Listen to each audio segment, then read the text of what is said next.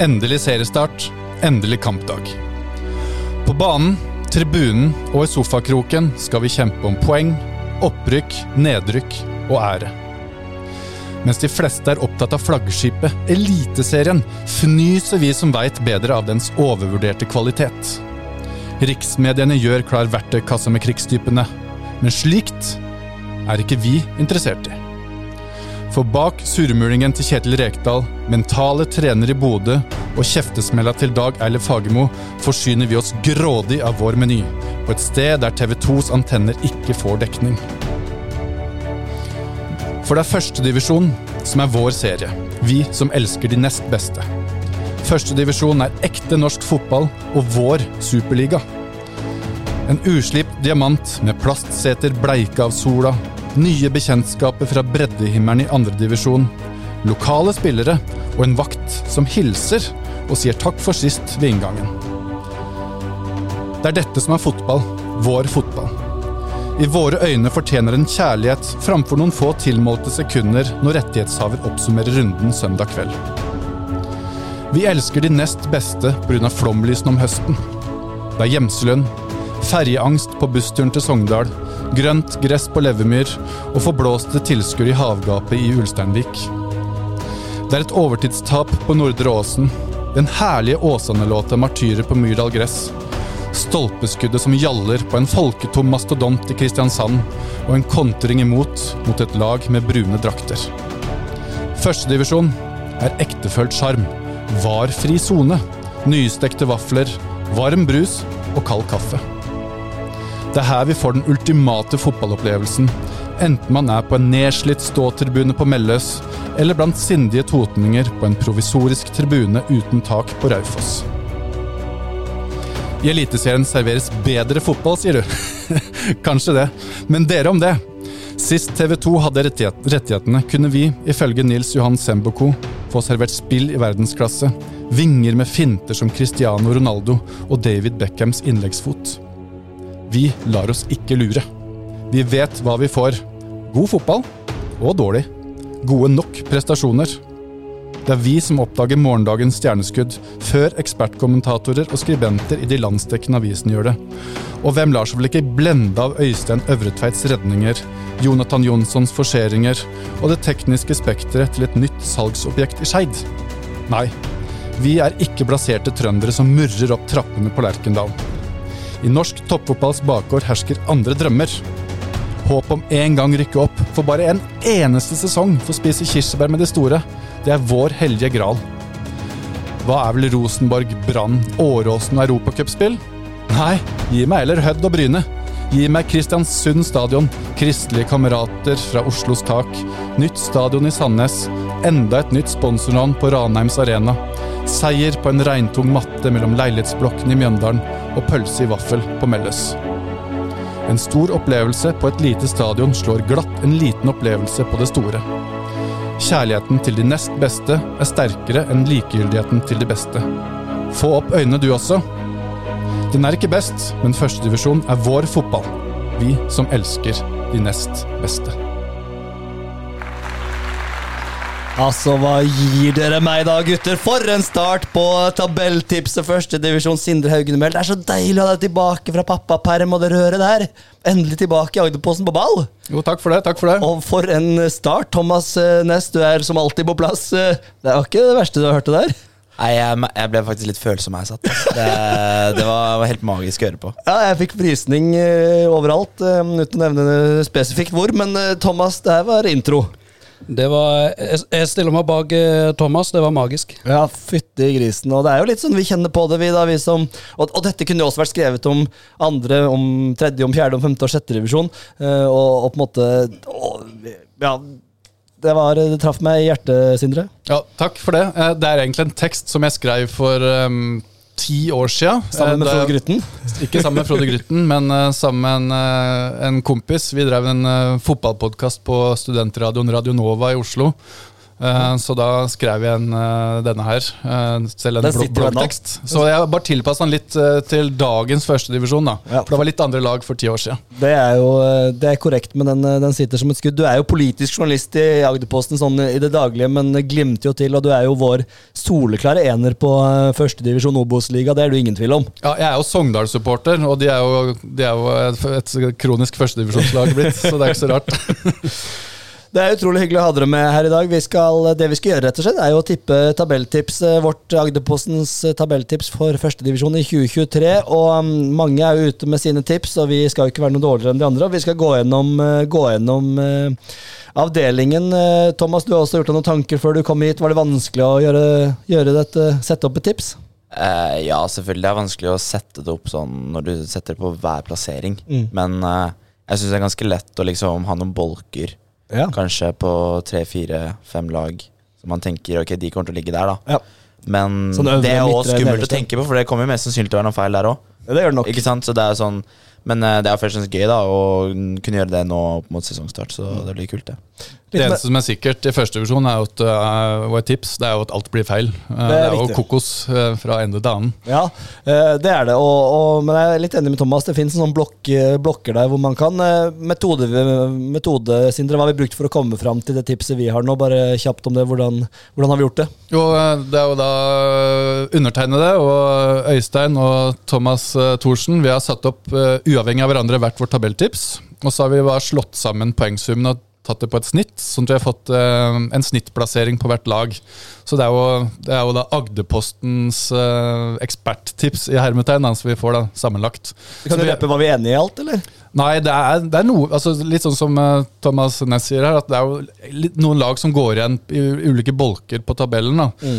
Eh, Man kanskje deler det inn i en, i en bunn, og så er det et, et kobbel av lag som kan eh, kjempe om opprykk og i hvert fall kvalikplassen i år. Mm. Det blir veldig jevnt. Ja, nei, jeg har kikka litt her. Vi er, eh, vi, har, vi er samkjørte på noe, og så er vi ikke så samkjørte på noe. Så jeg er veldig spent på hva Thomas kommer med, for der vet vi ikke. Så gangen i det, Thomas, tenker jeg at vi går gjennom lagene, og så får du litt si om du er enig eller uenig, eller hvor du eventuelt har plassert de lagene vi, vi snakker om. Og du kan jo gi oss litt innsikt på du, Dere var jo Eliteserien i fjor, men dere har jo vært borti noen av disse lagene før i første divisjon òg. Ja, naturligvis. Eh, Både for Levanger og Jerv og det meste. Ja, så, men eh, altså Obos er jo den eh, ligaen jeg klink følger mest på uansett. Deilig. Så det var jo det som var digg i fjor å være med i Eliteserien. Da kunne man jo sitte og se på alle Obos-kampene og se fotball direkte i Obos. Og det var faktisk eh, veldig, veldig digg, det. Du er jo en fotballens mann som følger med på mye, Thomas. Og det er veldig hyggelig å ha deg her tilbake. Det er gøy å ha en med litt eh, inside information. Altså Vi kan være ekspert så mye vi vil, eller du, Sindre, men det, det, slår, det trumfer ikke det å Trumfer ha spilt mot spillerne. Nei, absolutt ikke. Nei, men jeg tenker Vi skal bare fyre rett i gang, og da begynner vi på, på botten. Um, og vi kan jo, eh, hvis vi begynner eh, hos eh, deg, da Sindre, hvem er det du har satt opp på sisteplass eh, i førstedivisjon? Nei, altså, vi, da. Eh, Ja, nå spør jeg deg. Ja, de, jeg, jeg ville hatt Raufoss på bånn, eh, men det er ikke der vi har Nei, det ble ikke opp. Nei, det ble ikke det. Nei? Um, det ble fordi at vi har plassert uh, Moss nederst. Um, Nyopprykka Moss. Som jo snøyt uh, Arendal for opprykket på uh, bedre målforskjell. Det må vel være lov å si at det var den der Ørn Horten-kampen som gjør at Arendal ikke rykka opp, eller? Ja, og, eh, ja og Ørn Horten spilte mot Arendal på treningskamp nå, og det ble jo 0-0 i en kjedelig kamp. Men eh, det er ikke det vi skal snakke om nå. Men eh, Moss er på sisteplass. Eh, jeg hadde de på 14. Thomas, du hadde de sist. Eh, hva tenker du om Og du så jo Du fulgte jo mye med Arendal fotball andredivisjon i fjor. Hva tenker du om Moss? Nei, det var jo det var greit nok at de tok eh, veldig mye poeng i fjor, men eh, når det liksom Det var jo liksom Moss og Arendal fotball som skilte seg ut i den eh, avdelinga i andredivisjon i fjor. og eh, Det var jo klasseforskjell på de to lagene, egentlig. Arendal var bedre både på bortebane og heimbane. Eh, og Derfor tror jeg det blir eh, veldig tøft for dem. Og I tillegg, når det er lenge siden en har vært der oppe, en har ikke det tempoet i, eh, i laget. Så jeg tror de kommer til å slite veldig. Når det er sagt, så er det veldig hyggelig å ha Moss tilbake. Da. Det er lenge siden de har vært, uh, vært i førstedivisjon. Så det er jo en klubb som hører hjemme der. Men det, jeg, jeg tror det blir litt for tynt, altså. Når var sist de var oppe? da? Var det 2010 eller sånn? Var det det? I den, det BL-et der, tror jeg. Men åssen uh, har de gjort det på overgangsmarkedet, da? Ja, det er jo eh, Amin Askar er et navn som har kommet inn, som er velkjent for de fleste. Um, Henrik Gjesdal, eh, som har slitt mye med skader, har kommet inn. Um, En som det stilles litt forventninger til, er en som heter Kaya Makosso. Uh, så har de også fått inn uh, Laurent Mendy fra Sarpsborg 08. Men jeg tror det blir litt, uh, litt tynt. Um, det er Thomas Myhre som er trener. Hvor lenge har han vært der? Han begynte i 2021, hvis jeg ikke husker helt feil. Ja. De var jo helt nede i tredjedivisjon så sent som i 2017. Så, men det er jo et, var lag på litt uh, opp, men uh, de sliter litt økonomisk. Og, ja, nei, det, vi tror det blir litt for tynt, altså. Du har vært der og spist pølse i vaffel, eller? Jeg har vært der og spist uh, pølse i vaffel, men ikke vært på Moss-kamp. Men jeg har vært og sett uh, U19-landskamp, Norge-Serbia. Ja. Norge trengte bare å ikke tape med tre mål for å gå til U19-EM. Hva tror du resultatet ble? 0-3. 03. Ja, Det kan du høre mer om vår U19-podkast som kommer senere. Moss, har du noe forhold til de, Thomas? Eh, veldig lite, egentlig. Mm. Jeg og på det lille den tanken jeg gjorde opp med, så hadde jeg de på sisteplass også. Mm. Eh, litt fordi at jeg ikke kjenner så, så veldig mange Altså til laget så veldig, men jeg så jo de en del i fjor, så med tanke på at de spilte i samme avdeling som Arendal. Og jeg syns jo egentlig nesten at egentlig Arendal sånn over det jeg så, egentlig følte jeg liksom var egentlig et knapp opp, Ja, det er jeg enig knep eh, fra Moss. Mm. Så med tanke på den informasjonen som jeg på en måte har sett fra Moss, så føler jeg liksom at det kan bli tøft for de å skulle rykke opp, og de har liksom ikke henta De har ikke henta kjempestor navn, de har henta Aminaska, som nevnt. Mm. Det kan jo være sikkert veldig bra for liksom selve klubben, men Han begynner å bli gammel, han nå? ja, han begynner å bli gammel, så Men eh, det, ja, så det er mye ukjent der òg. Ja. Litt forskjellige varianter, så det er vanskelig å si. Så det er jo naturlig å sette de på sisteplass. Det er store utskiftninger der, og så så hadde jo, De hadde jo den ekstreme starten i andredivisjon som gjorde grunnlaget. De vant jo 11 av de 12 første kampene, og på høsten så var det jo ikke noe opprykkslag. Det var jo Arendal som var det beste laget i andredivisjon. Det, det er et veldig godt poeng. Du, du, ja, de leda vel med 10-12 poeng eller sånn, gjorde de ikke det, Thomas? Jo, de vant jo, de vant jo alle kampene fram til de møtte Arendal fotball eh, Og, i Moss. og da tapte Og da vant ja. Arendal 1-0. Ja. Og det var den eneste hjemmekampen Moss tapte, det var mot uh, Arendal. Er det gress eller kunstgress på De Mellestad? da? har gress. Er Jeg det er er spent på åssen den gressbanen der, da. Ja, den, eh, den kan jo være mye, den. Men eh, ja, Østfold pleier å ha greie gressbaner, gjør de ikke det? Det er litt gøy at uh, de har en spiller som heter Noah Aleksandersson. Det er sønnen til Niklas Aleksandersson, uh, som mange kjenner fra det svenske landslaget. Ikke sant.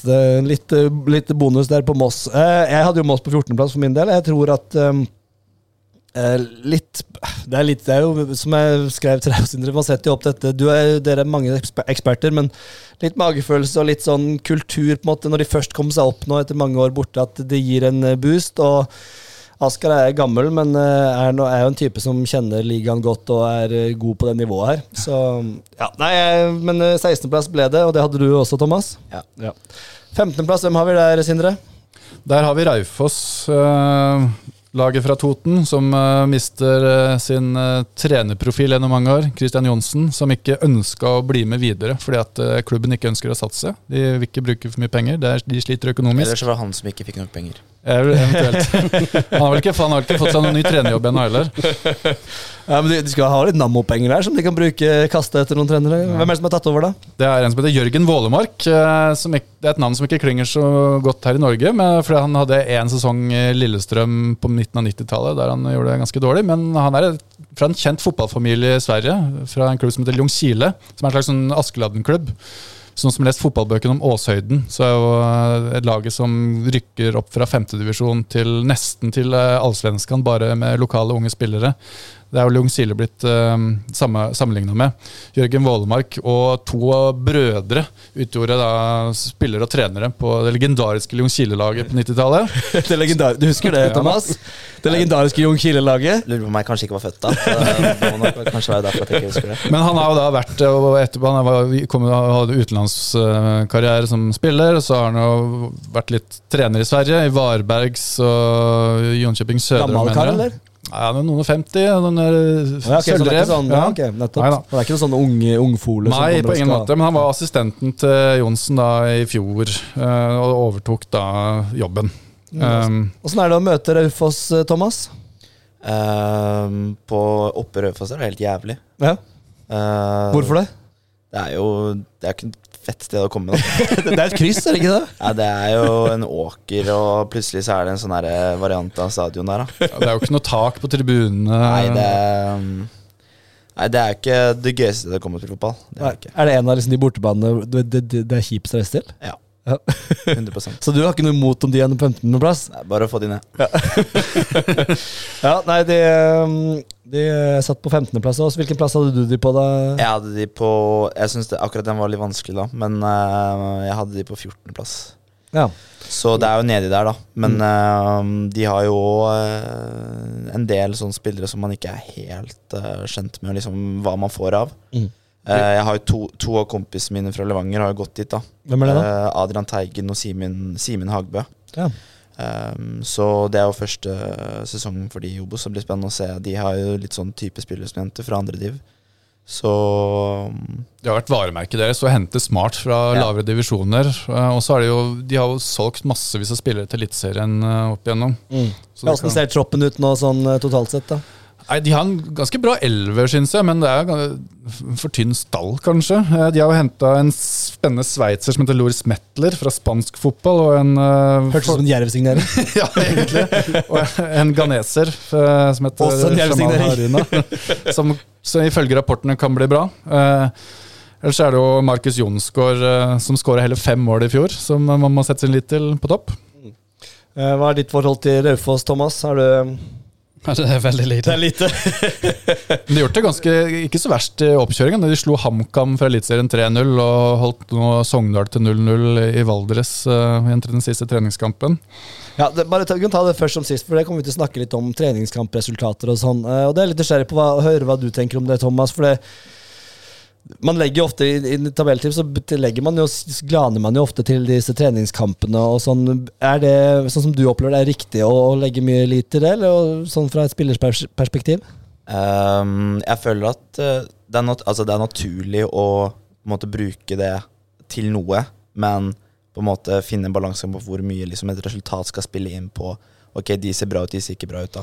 Ja, sånn som dere, da, som har vunnet mot Viking og tapt mot Arne Fotball. Det er jo, Hva skal man lese ut av det, liksom? Nei, men det er akkurat det. Så det er sånn eh, Jeg syns Altså Det verste er jo egentlig hvis man er sånn Ok, et lag har gjort det bra i preseason, nå er de dritgode. Den, den kjøper, klarer jeg aldri å kjøpe helt, da.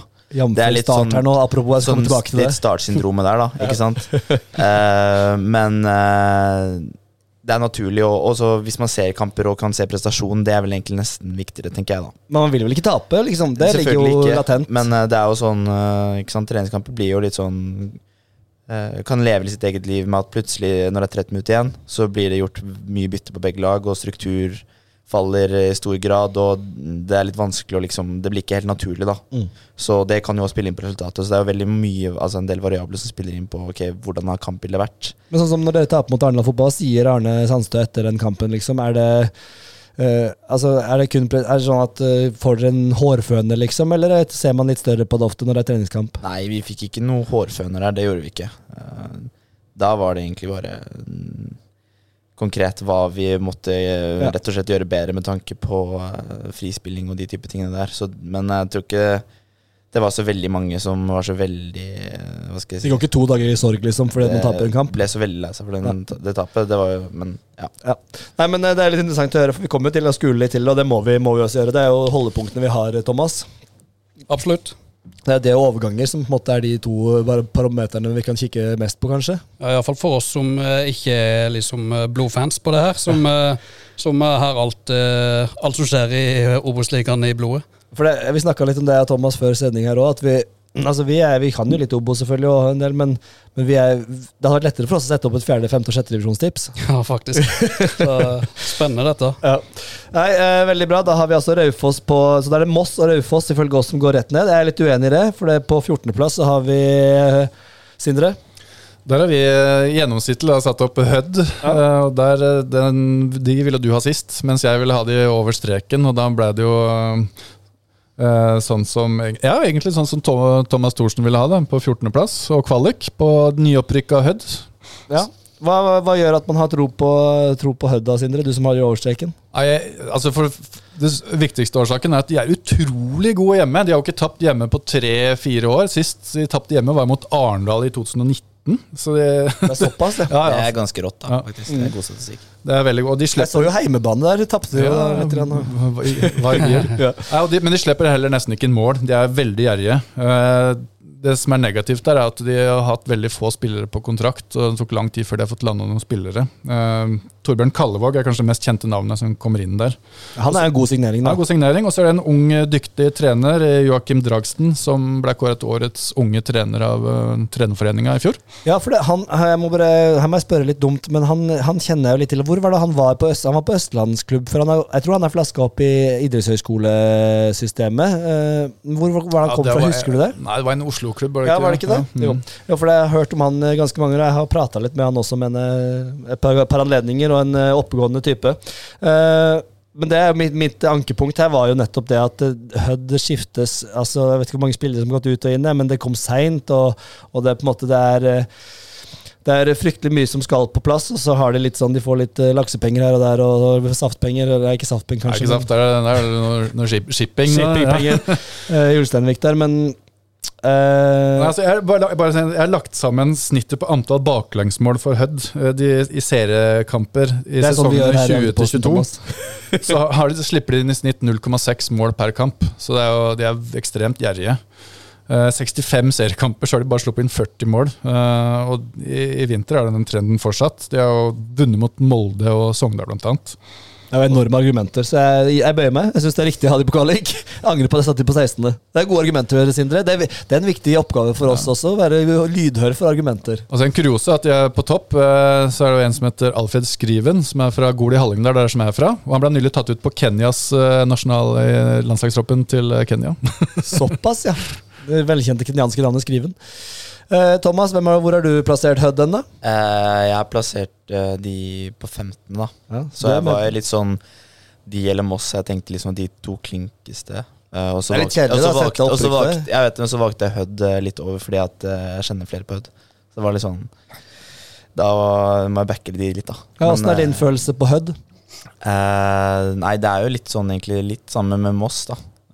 nyopprykka. Men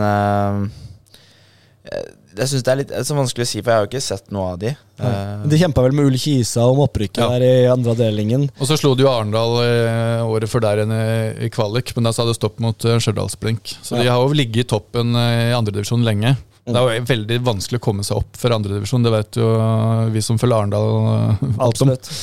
Men det er jo et vanskelig supporternavn. Jeg koser meg alltid med sketsjen med Atlanterhavsen-gjengen hvor de snakker om Hødd og Odd når de møter hverandre. Og Supportergjengen heter Blåserane. Men det gjør det, ja. Mm, det jo, Hødd og Sogndal er, er det de lov å kalle en supportergjeng? Hødd og Sogndal er for øvrig de to eneste klubb, klubbene i norsk toppfotball som har nynorsk som hovedmål. Så det er jo kudos. Det liker du. Det liker Jeg Jeg er skuffa over at du ikke hadde introen her på nynorsk. faktisk ja, skal... Hvis det er én ting jeg skal sette fingeren på ja. ved den introen der, så er det at ikke det var på Jeg hadde den på nynorsk, men så er jo de, arbeidsgivere er jo litt sånn der uh, kritiske, litt kritiske til nynorsk, så jeg skrev den om til, til bokmål. Men jeg, burde, jeg, kan kanskje skrive den om til nynorsk, så publisere den det på, fint, på, så det gikk helt fint. ja. Jeg skulle hatt den på kav Ryggen-dialekt. Det hadde vært, uh, det hadde vært eh, fint. Kan, vi ikke få Eivind Karlsen lage en sang på den der teksten der, da? Carlsen, hvis du hører på, som jeg forventer at du gjør, så, så, vil jeg at du lager litt melodi til greiene der. Så tror jeg vi har en, en god hit. Bare legge på et refreng der. Det må bli noe med refrenget må handle om pølser i vaffel på Meløs. Og Han er god på pølser. ja, god på pølse, ostepølse. Ja. Ja. Så går det med Eivind Karlsen og nyttårsforsett og sånn, da? Nei, han sier han ikke har røket ennå, men Ja, nei, får, det, får bli fjerde, det får bli femtedivisjonstipset. Ja. Vi snakker mer om Eivind Karlsen. Mer om det sier dere. Ja. Da har vi nedrykket, da. Der er det Moss og Raufoss og så Hødd på um, kvalikplassen. Og så beveger vi oss et uh, steg uh, opp, og der finner jeg Åsane, Sindre. Ja, det er jo uh, bydelsklubb fra Bergen som er en evig skygge av storebroren. man har jo gjort det ganske tålelig greit i førstedivisjon de siste åra. Um, ja, De endte vel på hvor var det, De endte ikke de endte rett over kvalik i fjor? 13.-plass i fjor også, så vi tror ja. de gjentar den. Altså. Ja. Uh, de vil jo savne Ryan Dogman, blant annet. Uh, Morten Gams Pedersen spilte jo der. eh, Dette var jo veldig spesielt. for eh, Det var mye rør der. Det var veldig mye rør. Kåre Ingebrigtsen var inne som sportssjef i et kvarter. Eller, Ja, for, men det, det, for han skulle, ja, det var mye som skjedde der når han kom inn og skulle ja, hente Morten Gams Pedersen. Hva er det for noe, da? På Åsane-lag? Ja. Men uh, Åsane, ja, vi har de på 13. Jeg hadde de faktisk nede på 15. de har jo liksom dalende resultater de siste åra. Eh, De hadde Jeg jo føler de sin tid er litt over nå. Kanskje, kanskje. Eh, De har jo henta Mamme Mor Ndaye fra, fra Raufoss, da, som vi nevnte i stad, som er en veldig god spiller. Kan få til mye bra. Um, Ja. Erling Myklebust, Kristoffer Nesse Steffensen. Gode førstedivisjonsspillere. Ja, Åsane, Thomas, hva tenker du? De har vel spilt mot noen ganger? Eh, ja, det har jeg. Så uh, jeg var faktisk veldig usikker på de. Uh, jeg satt de på en ellevteplass. Litt fordi at de har ja, tradisjon for å være i Obos og mye bedre fasiliteter og de tingene der. Men jeg, kan, altså, jeg ser veldig godt poenget med å sette de så langt nede, med tanke på at de slipper inn sykt mye mål. Ja, de er jo veldig sånn, de skal jo spille veldig Veldig sexy. Er ikke? Det er jo de spiller jo ut for hver pris. Det er skjelmeball der òg, Ja. så det skal spilles ut bakfra. Og de er jo veldig gode på når de får det til. Så De har ikke scora, selv om de slipper inn mye, så scorer de ikke så Nei, mye. det, heller, det er akkurat det. Så Og så har jo Vi har jo en Grimstad-gutt her, da. I Åsane. Og nå er jeg svar skyldig her. Thomas, har du noe Han nikker. Vet du det, Sindre? Nei, jeg vet ikke. Lars Kielen? Mm, stemmer. Lars Kiel? Så, men jeg kan godt være med å sette på de- så langt nede som mulig. For jeg prøvde å ringe han nå for en uke siden. Han har ikke ringt opp igjen eller sendt melding tilbake. Så jeg Det lurer litt på hva, hva som er greia. Men det, Litt bitter, men det, det kan jeg faktisk ærlig si. Det er jeg òg, For at jeg forventer at han ringer tilbake når jeg ringer han. Ja, Sendte du melding, eller bare ringte du? Nei, jeg ringte bare. Ja, for det er jo Det, må jeg bare, det kunne vært en helvete, himmel og helvete. Folk som bare ringer. og sender melding. Hva, hva gjelder det? Få en, Ja, kompisen min kan ikke ringe ham når jeg vil, og så må jeg si hei. Det blir for det, dumt. det gjelder tabelltips til Agderposten på ball. Det er, så, men han er jo Ja, han gjør sin egen greie, tydeligvis, da. Så jeg vet ikke helt uh, Helt greia der, men ja. Ja, men da fortjener de å bli satt fortjener det. da. å sette de litt ekstra ned der, da. Ja, det er Kilen-effekten, kaller vi det bare. Rett og slett. Så har du henta Ola Heltene Nilsen, som er lillebroren til Sivert. Uh, som uh, ifølge storebror da, har potensial til å bli enda bedre enn han sjøl. Så Såpass, ja. ja, det blir spennende å se. Han er fra, kommer fra Hødd. Ja, han kom fra Hødd, ja. Ja. eh, som eh, spilte for de i fjor. Sammen med også eh, Magnus Brun Hansen. Ja, det navnet der la jeg merke til. Er det noe Brun-Hansen? Er ikke Det er jo, det er jo Brann? brannsjefen. Ja. Det er sønnen, vel? Det er sønnen, ja. og han har spilt i Roald Åsane- Brun-Hansen Yes. Så um, han har jo spilt i Åsane før òg. Han har vært flere år borte og gjør nå comeback i den oransje trøya. Ikke sant. Nei, Åsane, Vi gikk ikke snakke mer om Åsane, tror jeg. De har eh, levert eh, ok eh, trenings...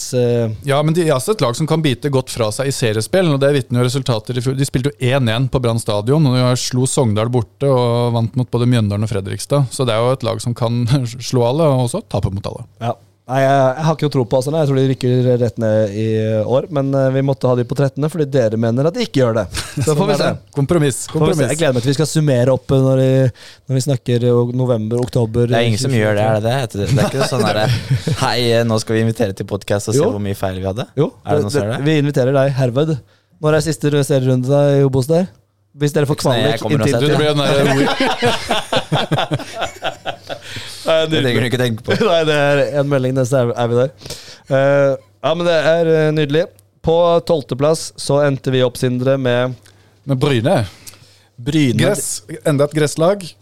Vi kan jo, vi kan gå rett på Thomas der, da så kan du få si litt mer fakta etterpå, Sindre. Men uh, dere har spilt jo nettopp på Bryne. Hva, Åssen lag er det?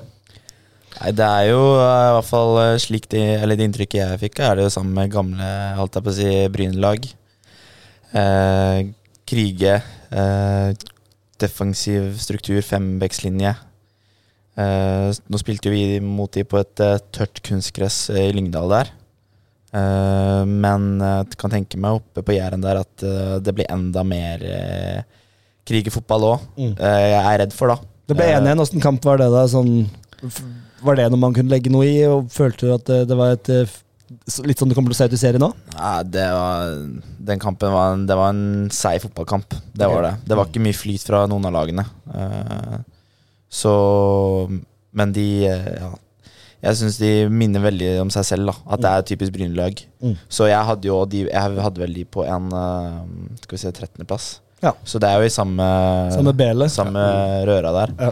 Men det som på en måte jeg tenkte litt at jeg tror de kommer til å være Jeg tror ikke de kommer, til å være lenger ned enn det.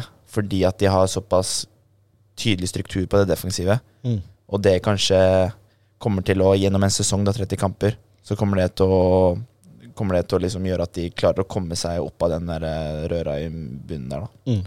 Det Og at de kommer til å ta en del poeng på hjemmebane. Mest sannsynlig. Det var det fra spillersperspektivet, Sindre. Faktuelt, åssen ligger det an på Bryne med litt signeringer, trener osv.? Ja, Det er Kevin Knappen som er trener der. Han var jo i Hødd før. Veldig bra veldig bra navn, Kevin Knappen. Um, hjemmebane, ja, de må gjøre det der, men de hadde ikke så veldig god hjemmestatistikk i fjor. Da. De vant bare fem hjemmekamper. Ja. Um, Veldig fin. eh, De har henta en, en spiller med so, so good they named him twice. Kristian Ja. Landu Landu. ja. Det er en gammel kjenning. Han har runda Rogalandslaga, vel, så han har spilt for både Sandnes Ulf og Viking og Tromsø. har han vært i. Ja. Eh, Robert Undheim var toppskårer i fjor, ti mål. Må satse på han. Eh, de har sendt eh, Arne Gunnes, som hadde mange målpoeng i fjor, på lån til Ranheim. Men så er det også lånet Abel Stensrud fra Odd, som er blitt nevnt av mange. Som, Ja, den, er litt, den kom litt bardust på, Thomas. Også kjent som eh, Grizzly Bjørn, som han kaller seg. ja, Han er en ydmyk type, Abel Stensrud. Ja, jeg, det, jeg var på banen tre minutter før han skulle drive og slenge kommentarer, og han er jo en ja, syk mann å spille mot. Ja, men han kan jo skåre litt mål i første divisjon, da. Det, han har vel ikke skåret uh, Han har vel aldri spilt i første divisjon før, tror jeg. Nei, men han uh. Så han kan jo, men han uh, kan vel gjøre det. Han skårte veldig mye mål i andre div for Skeid. Så hvordan på en måte, Han tok jo Han hoppa jo over det Obos-ligasteget, så må han kanskje kan finne litt mer til øh, sitt øh, nivå nå. mm. at, han- at han spiller like bra som han snakker. Ja, det får vi håpe på snart, da. Jeg, så, jeg så ikke for meg den profilen til, til Jæren og Bryne. Nei. Det var ikke matchen uh, som for Nei, jeg er litt enig der, men uh, Men han er vel sånn hvis de slår litt eh, på en eh, gressmatte der, slår litt langt, han kan jage litt og skape litt furore. Og han er jo grei på hodet og i boksen, er han ikke det? jo, han Jeg tror han er ok, da. Eller det er han. Mm. Han har jo skåret mye mål, så han har jo det i seg. Mm. Så Så det, er jo Rogvi Baldvinsson en sånn navn som klinger veldig godt når vi nevner Bryne. Den færøyske landslagsspilleren. Han føler jeg har hørt om lenge. Hvor gammel er han nå? Nei, Han er jo godt over 30. 34, tror jeg. Ja, Det er jo ingen alder. Ingen alder. Nei. Ellers er de gode, god keeper. eh, Godt, god keeperduo, egentlig. Men uh, den svenske nyervervelsen Anton Kajtoft ble jo langtidsskada i oppkjøringa. Så det er jo da en litauer som står i mål der, som er en solid Ja.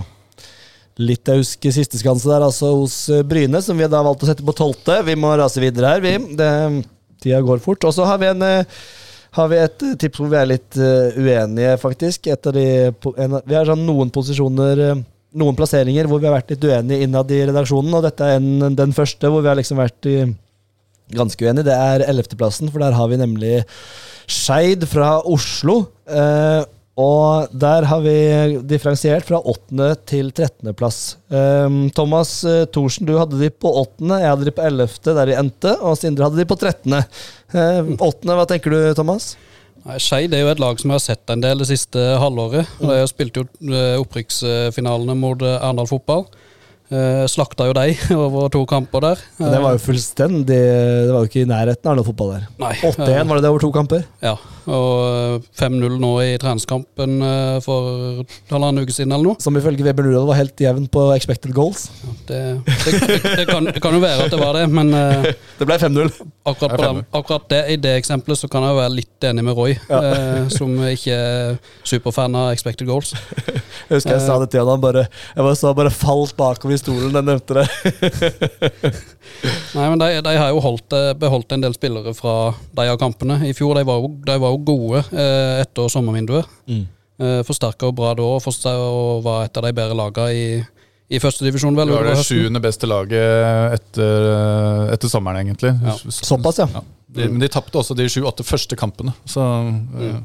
ja. det var to, to, to halvdeler av denne sesongen. Ja, og det, det er jo beholdt de viktige, viktigste spillerne. En- Eneste jeg mista, er Jakob eh, Romsås. Jakob han- Napoleon Romsås, Ja, hva faen med mellomnavnet? For et navn. Og Fredrik Bergli også til Sandefjord er jo et tap. Og så Stian Kommandantvold Pettersen, som er en klubblegende, eh, gir seg også. Legger opp. Det er ikke et, et krisenavn det heller, da. Napoleon og kom- kommandantvold der. Ja, det er strålende navn. Inn så kommer Fredrik Flo, sønn til Håvard Flo, sportssjef i Sogndal. Eh, og Andreas Stensrud òg, er han i slekt med Abel, eller? Det forteller historien ingenting om. Sindre kan Er det noe deilig å sette fast Sindre da, på noe det er første gang? Men Kristoffer Hoven kommer på lån fra Sogndal eh, i fjor. Og han er da broren til Andreas Hoven, som spiller for Sogndal. De er jo, Der har du kontroll på det- det- det brødreforholdet. Ja. Ja. Eh, Og mor etter, mor god. etter. Eh, Gudrun. Nei, det, Men jeg, er litt, altså jeg satt jo på 13., men jeg, jeg, ble litt sånn trigga av Thomas sin tru på Skeid. For jeg også syns det er mye positivitet uh, rundt Skeid. Eh, gøy at en sånn tradisjonsklubb kan uh, etablere seg på det nivået her. Så jeg, jeg er ikke jeg skammer meg ikke over å sette de på 11.-plass. Det tror jeg de skal være fornøyd med. mm. ja, og de beholder jo Budusson, som kommer til sikkert skåre litt mål ja, ja. som vanlig. Jo- Jonny Per, apropos gode navn. Ja, Jonny Per Det er et sånn rygende navn, det. Du kunne hett Jonny Per, Thomas. Nei, det kunne, det kunne jeg ikke. Ne Nevestad-navn. Nevestad-navn. Se også for Markus Melkjord på midten. Veldig god spiller. Ja, han er jo mange nevnt som en sånn uh, type som kan virkelig ja, Han var jo bra i fjor også, men En, jeg har en quiz til dere hvis dere har lyst på en quiz. Ja, hvilket underlag har Skeid? Det er KORK. Ja, kork og kokos. Men, men Ja. apropos hjemmebane. Altså, Ja. Siden Skeid var oppe på elit, Eliteserien, eller Tippeligaen som det tar, på midten av 90-tallet, Ja. så har Skeid spilt tellende hjemmekamper på ni eh, arenaer. Hjemme, hjemmebaner. Hatt ni hjemmebaner Såpass, siden midten av Ja, skal jeg 90-tallet. Hvor, hvor mange klarer dere? Ja, Nordre Åsen, da. Voldsløkka. Ja, Eh. Bislett, sikkert. Ja, tre. Intility. Fire. Riktig. Og de har sikkert vært nede på øh, Nei, Tørteberg eller sånn? Jeg vet ikke. Nei, Nei. KFUM-land, eller? No. ikke Eikeberg. Um, nei, skal vi se Er det innafor Oslo resten nå, eller? Nei, det er én utafor Oslo. Ja, de spilte jo selvfølgelig på Lillestrøm. Ja, I LSK-hallen I i cupen. Ja. uh, så der, der trua de jo med å spille overalt i landet. Mange har vi nå? Nå har vi vel eh, Ja, mangler kanskje mangler jo Jeg tror du bare kan ta deg nå. tre. Ja, det er jo, på, det er jo Ullevål, hint det. er Ullevål selvfølgelig. Like, Ullevål, ja. Nei. Nei. Vi, vi må jo um, Ullevål har de spilt på, ja. Ja. eh, Et lag som rykka nylig ned fra førstedivisjon. Grorud? Yes. Bislett. Ja, det ble sagt. lenge Ja. siden, Thomas. Ja, da. Har du på deg øra, eller? Jeg husker ikke mer enn tre sekunder. Ja. Ja. Og så er det en, en, en innendørsarena til, som dere ikke har nevnt. Valhall. Yes. Ja. Og så er det en, eh, en som er rett ved siden Dere sa Voldsløkka, gjorde dere ikke? Jo. Ja, var en, et Bjølsen kunstgress som ligger rett ved Der har jeg spilt mye kamper med Oldenborg. Ja, jeg har også spilt der med VamKam. De to store i Oslo. Yes. Så det er jo litt spesielt, da, men nå de har slått seg ned på Norderåsen de siste åtte-ni-ti åra. Eh, hvis vi bare får vekk den korken, så tror jeg de klarer å bygge et bra anlegg der. Men nå skal de få tak over ene tribuna også, og stå, ståplasser. Så, De ligger jo nærheten av Oslos tak, så sånn sett så er det ja, fint. De liker ikke Kjelsås. men, Nei. eh, Kan jeg jo ta en liten digresjon på Skeid, eller? Kjør som digresjoner er veldig velkommen. Jeg, Jeg spilte første, eller første start for Levanger. Det var mot Skeid borte. Uh, og vi skulle da uh, dra samme dag. Dro over seks på morgenen. Jeg hadde pakka bagen klar, for Fly? jeg skulle ut i Trondheim eh, kvelden, samme kveld. Så jeg hadde uh, huska jeans og skjorte, men jeg hadde glemt fotballsko. Eh, jeg hadde vært i Levanger en uke, da. Og det var ikke så gøy å si liksom, og hvor gammel var du da? eh, 22. Så det er ikke så gøy å si du, coach, jeg har glemt fotballsko. Så da måtte jeg sende Tobias Collett på jobb. Uh, vi har, han har en halv Spilte han på Koffa da, eller? Han spilte på Grorud. Ja.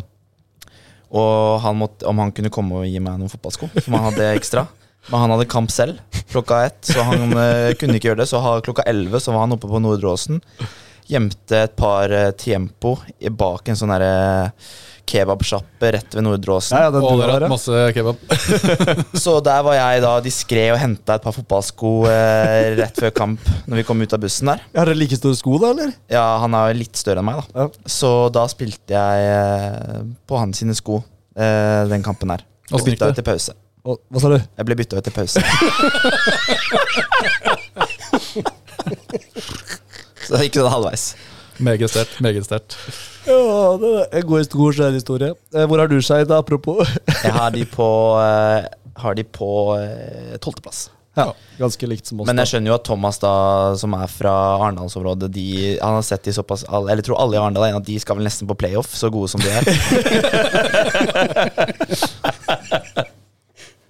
Ja, det blir jo nesten, kval- det blir jo nesten kvalitet. Ja, ja, Åttendeplass er ikke Men langt unna. eh, det er, det er, jeg tror nok de kan uh, gjøre det bra. Det tror jeg. Ja, nei, men det er spennende å se hvordan det går med Skeid. Uh, vi hopper et hakk opp, og da er vi også på et lag hvor vi var litt, uh, litt uenige, og det var Ranheim. Eh, og der har um, dere karer vi har, Dere har skilt dere fra meg. Dere har, Sindre, du har, har de på tiendeplass, som det endte på. Thomas, du har det på ellevte, og jeg har det faktisk oppe på en kvalikplass på, på sjette på Ranheim, eh, Ranheim i, i 2023.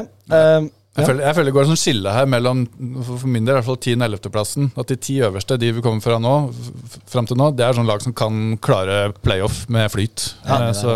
Det er enig. De seks nederste der er ganske, de er ganske satt, føler jeg, egentlig. Men, men det skjer jo, som du sa i starten, Thomas, det skjer jo alltid noe. Et av disse gode, gode presumptivt bedre lagene kommer jo til å gjøre det dårlig, og motsatt. Eh, Ja, nei, men Vi hadde Ranheim der. Jeg har jo mm, Altså eh, Litt tilbake til røttene på Ranheim. Fjæra der, 4-3-3. Eh, Kåre Ingebrigtsen, rutinert. De er jo selvfølgelig litt sånn skadeutsatt, da, fordi de er litt veldig rutinerte, men eh, ja, De har en en elver som er god. Eh, god stemning. Jeg føler som at Ranheim-sjela kommer litt tilbake nå, etter å ha vært litt og fiska litt rundt og prøvd på litt ulike ting. Jon Hosæter kommer tilbake. Veldig spent på hvor god han er. ja, Hvis han får arbeidstillatelsen i orden da. Han har jo han Ja. registrerte seg som kinesisk statsborger da han eh, reiste til Kina. Så, så han må få papirene i orden. Det er i, per, oh, ja. i skrivende stund, snakkende stund, ikke i orden. Så han mister kanskje serieåpninga. Oh, ja. Ja, Men det var veldig, veldig spennende. Han hadde vel, hadde vel et låneopphold i Ranheim for mange år siden, så han gjør et slags comeback der. ja.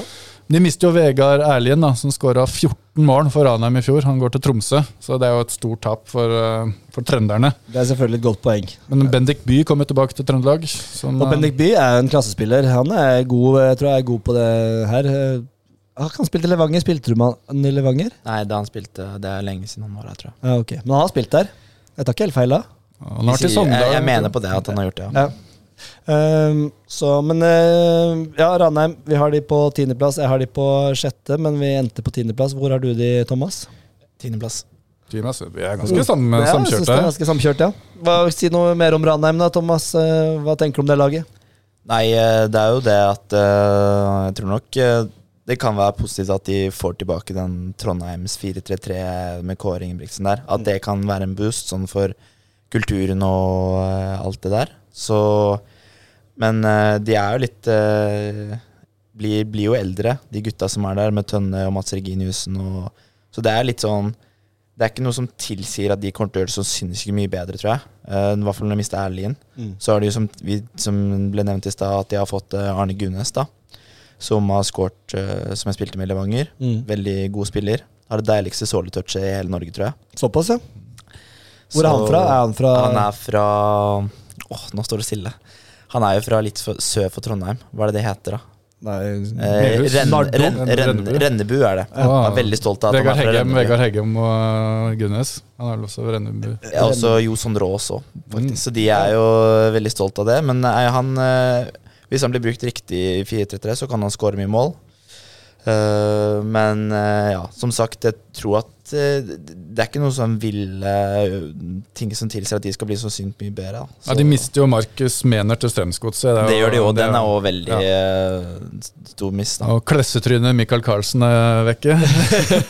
Altså, jeg, har, har, jeg tror jeg aldri har sett en tyngre fotballspiller i mitt liv.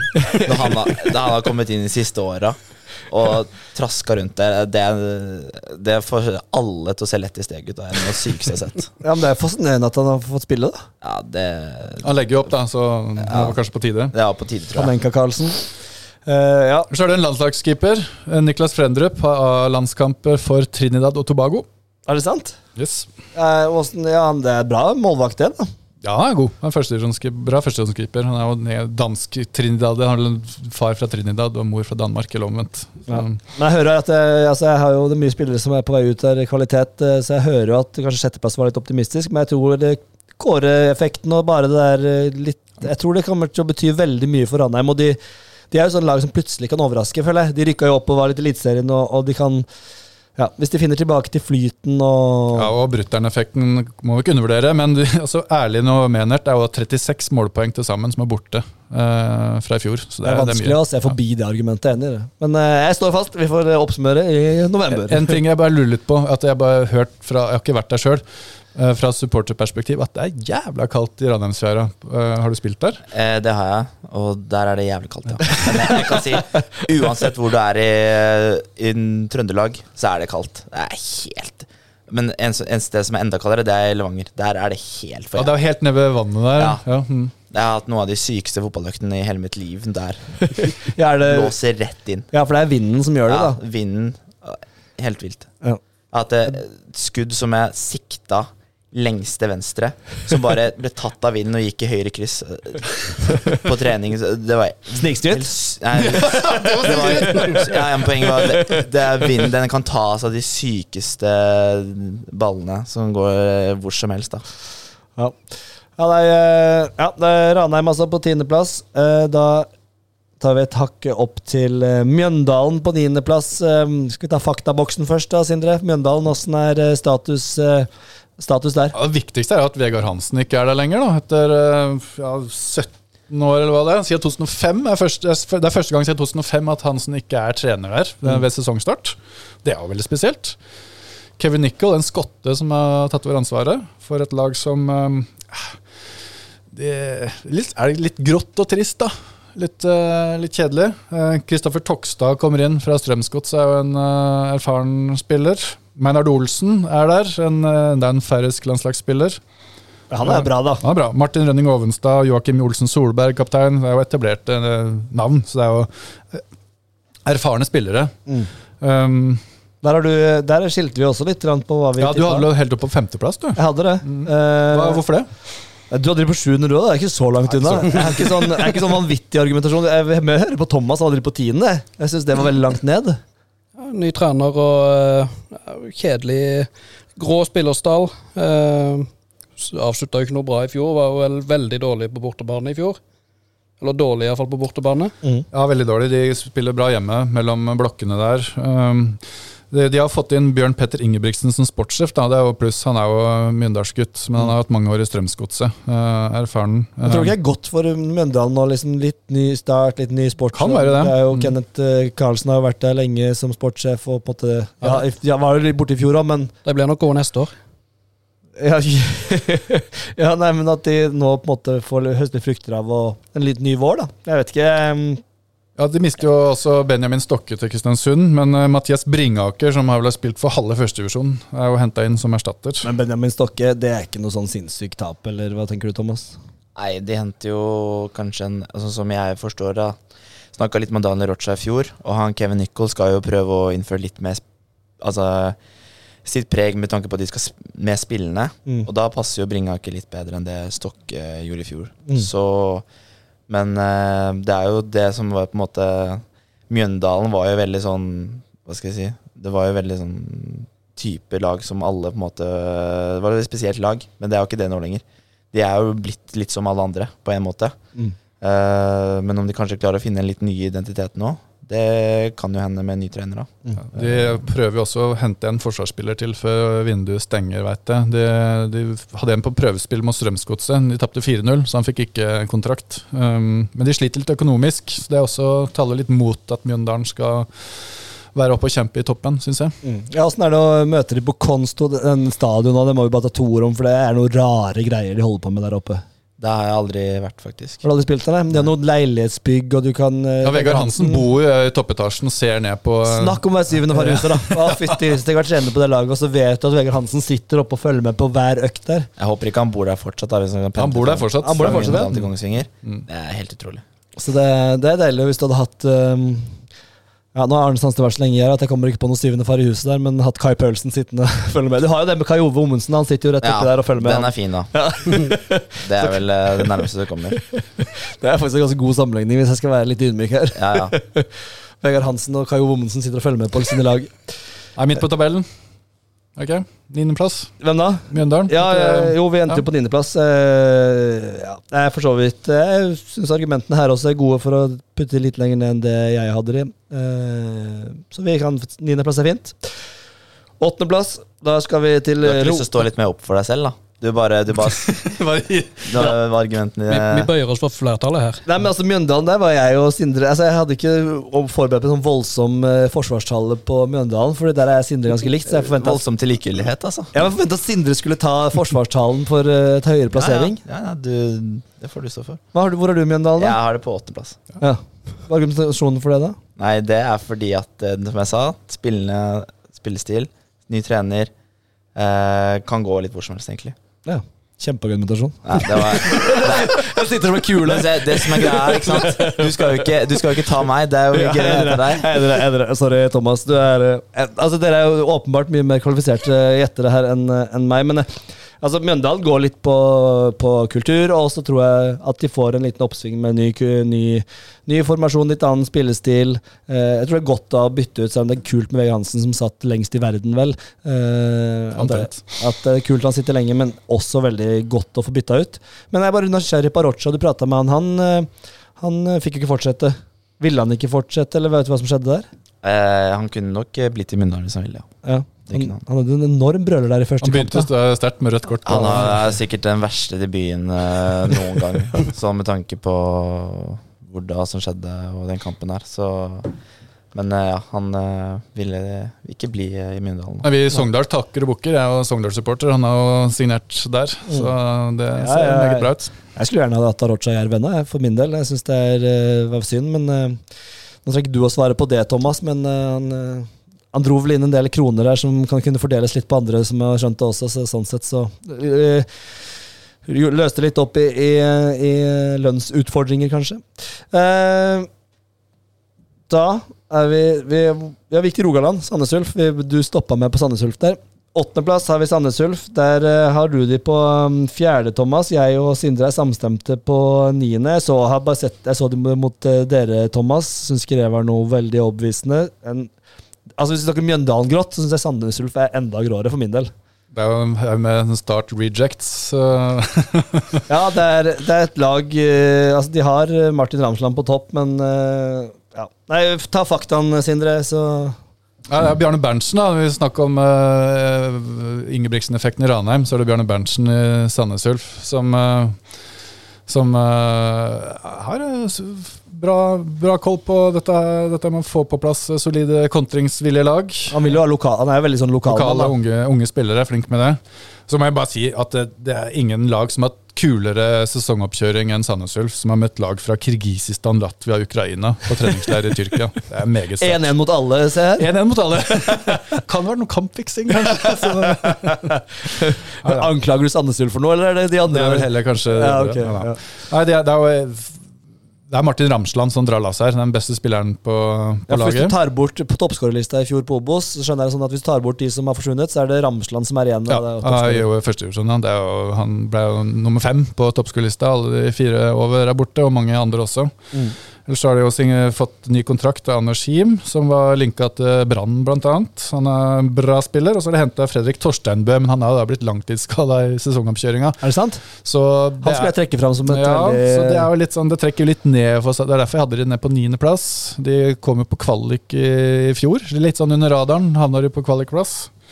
Um, Nei, jeg støtter det. støtter det. Du hadde det litt høyere opp, Thomas. Eh, Var det noen god grunn til det, eller var det mm, magefølelsen? Rein magefølelse der, altså. de har slått både Arendal, Jerv og Start da, i sesongoppkjøringa, så jeg er god, øh, det lover godt å bli mye poeng mot sørlandslaga. Men hvis jeg ikke husker rett, så har ikke alltid Jerv hatt et bra tak i serien mot Sandnes Ulf. Uh, jeg har spilt mot de én gang. Da lagde jeg straffe etter to minutter. Så Au, trekker tilbake. Men, men eh, ta, du var jo førstehåndsinformasjon på Sandnes Ulf her. Dere var jo spilte treningskamp mot det. Hvordan, eh, du kom vel inn på sentralt på midten her på tampen eh, siste halvtimen eller sånn? Stemmer. Nei, de, nå har de jo gått litt, fra, litt vekk fra fembekslinje. Spiller klink 4-3-3. Um, men jeg syns jo, som blir sagt der, at de er nok et hakk ned fra det det var i fjor. De mista Ekeland på midten til Ja, Strømsgodset. Mm. Veldig, var veldig viktig for dem. Og de har mista Heggem, stopper, har gått til Sverige, tror jeg. Så de er jo Og de har liksom erstatterne har egentlig bare vært at de har henta inn noen gutter. Hen Henrik Jensen bøtta i mål i femtedivisjon. Han er Ja, stemmer det. Det er den der, ja.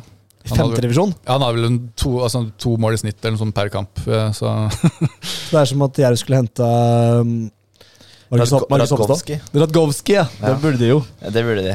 Nei, eh, så jeg tror nok at de skal Jeg har satt de på niendeplass, da.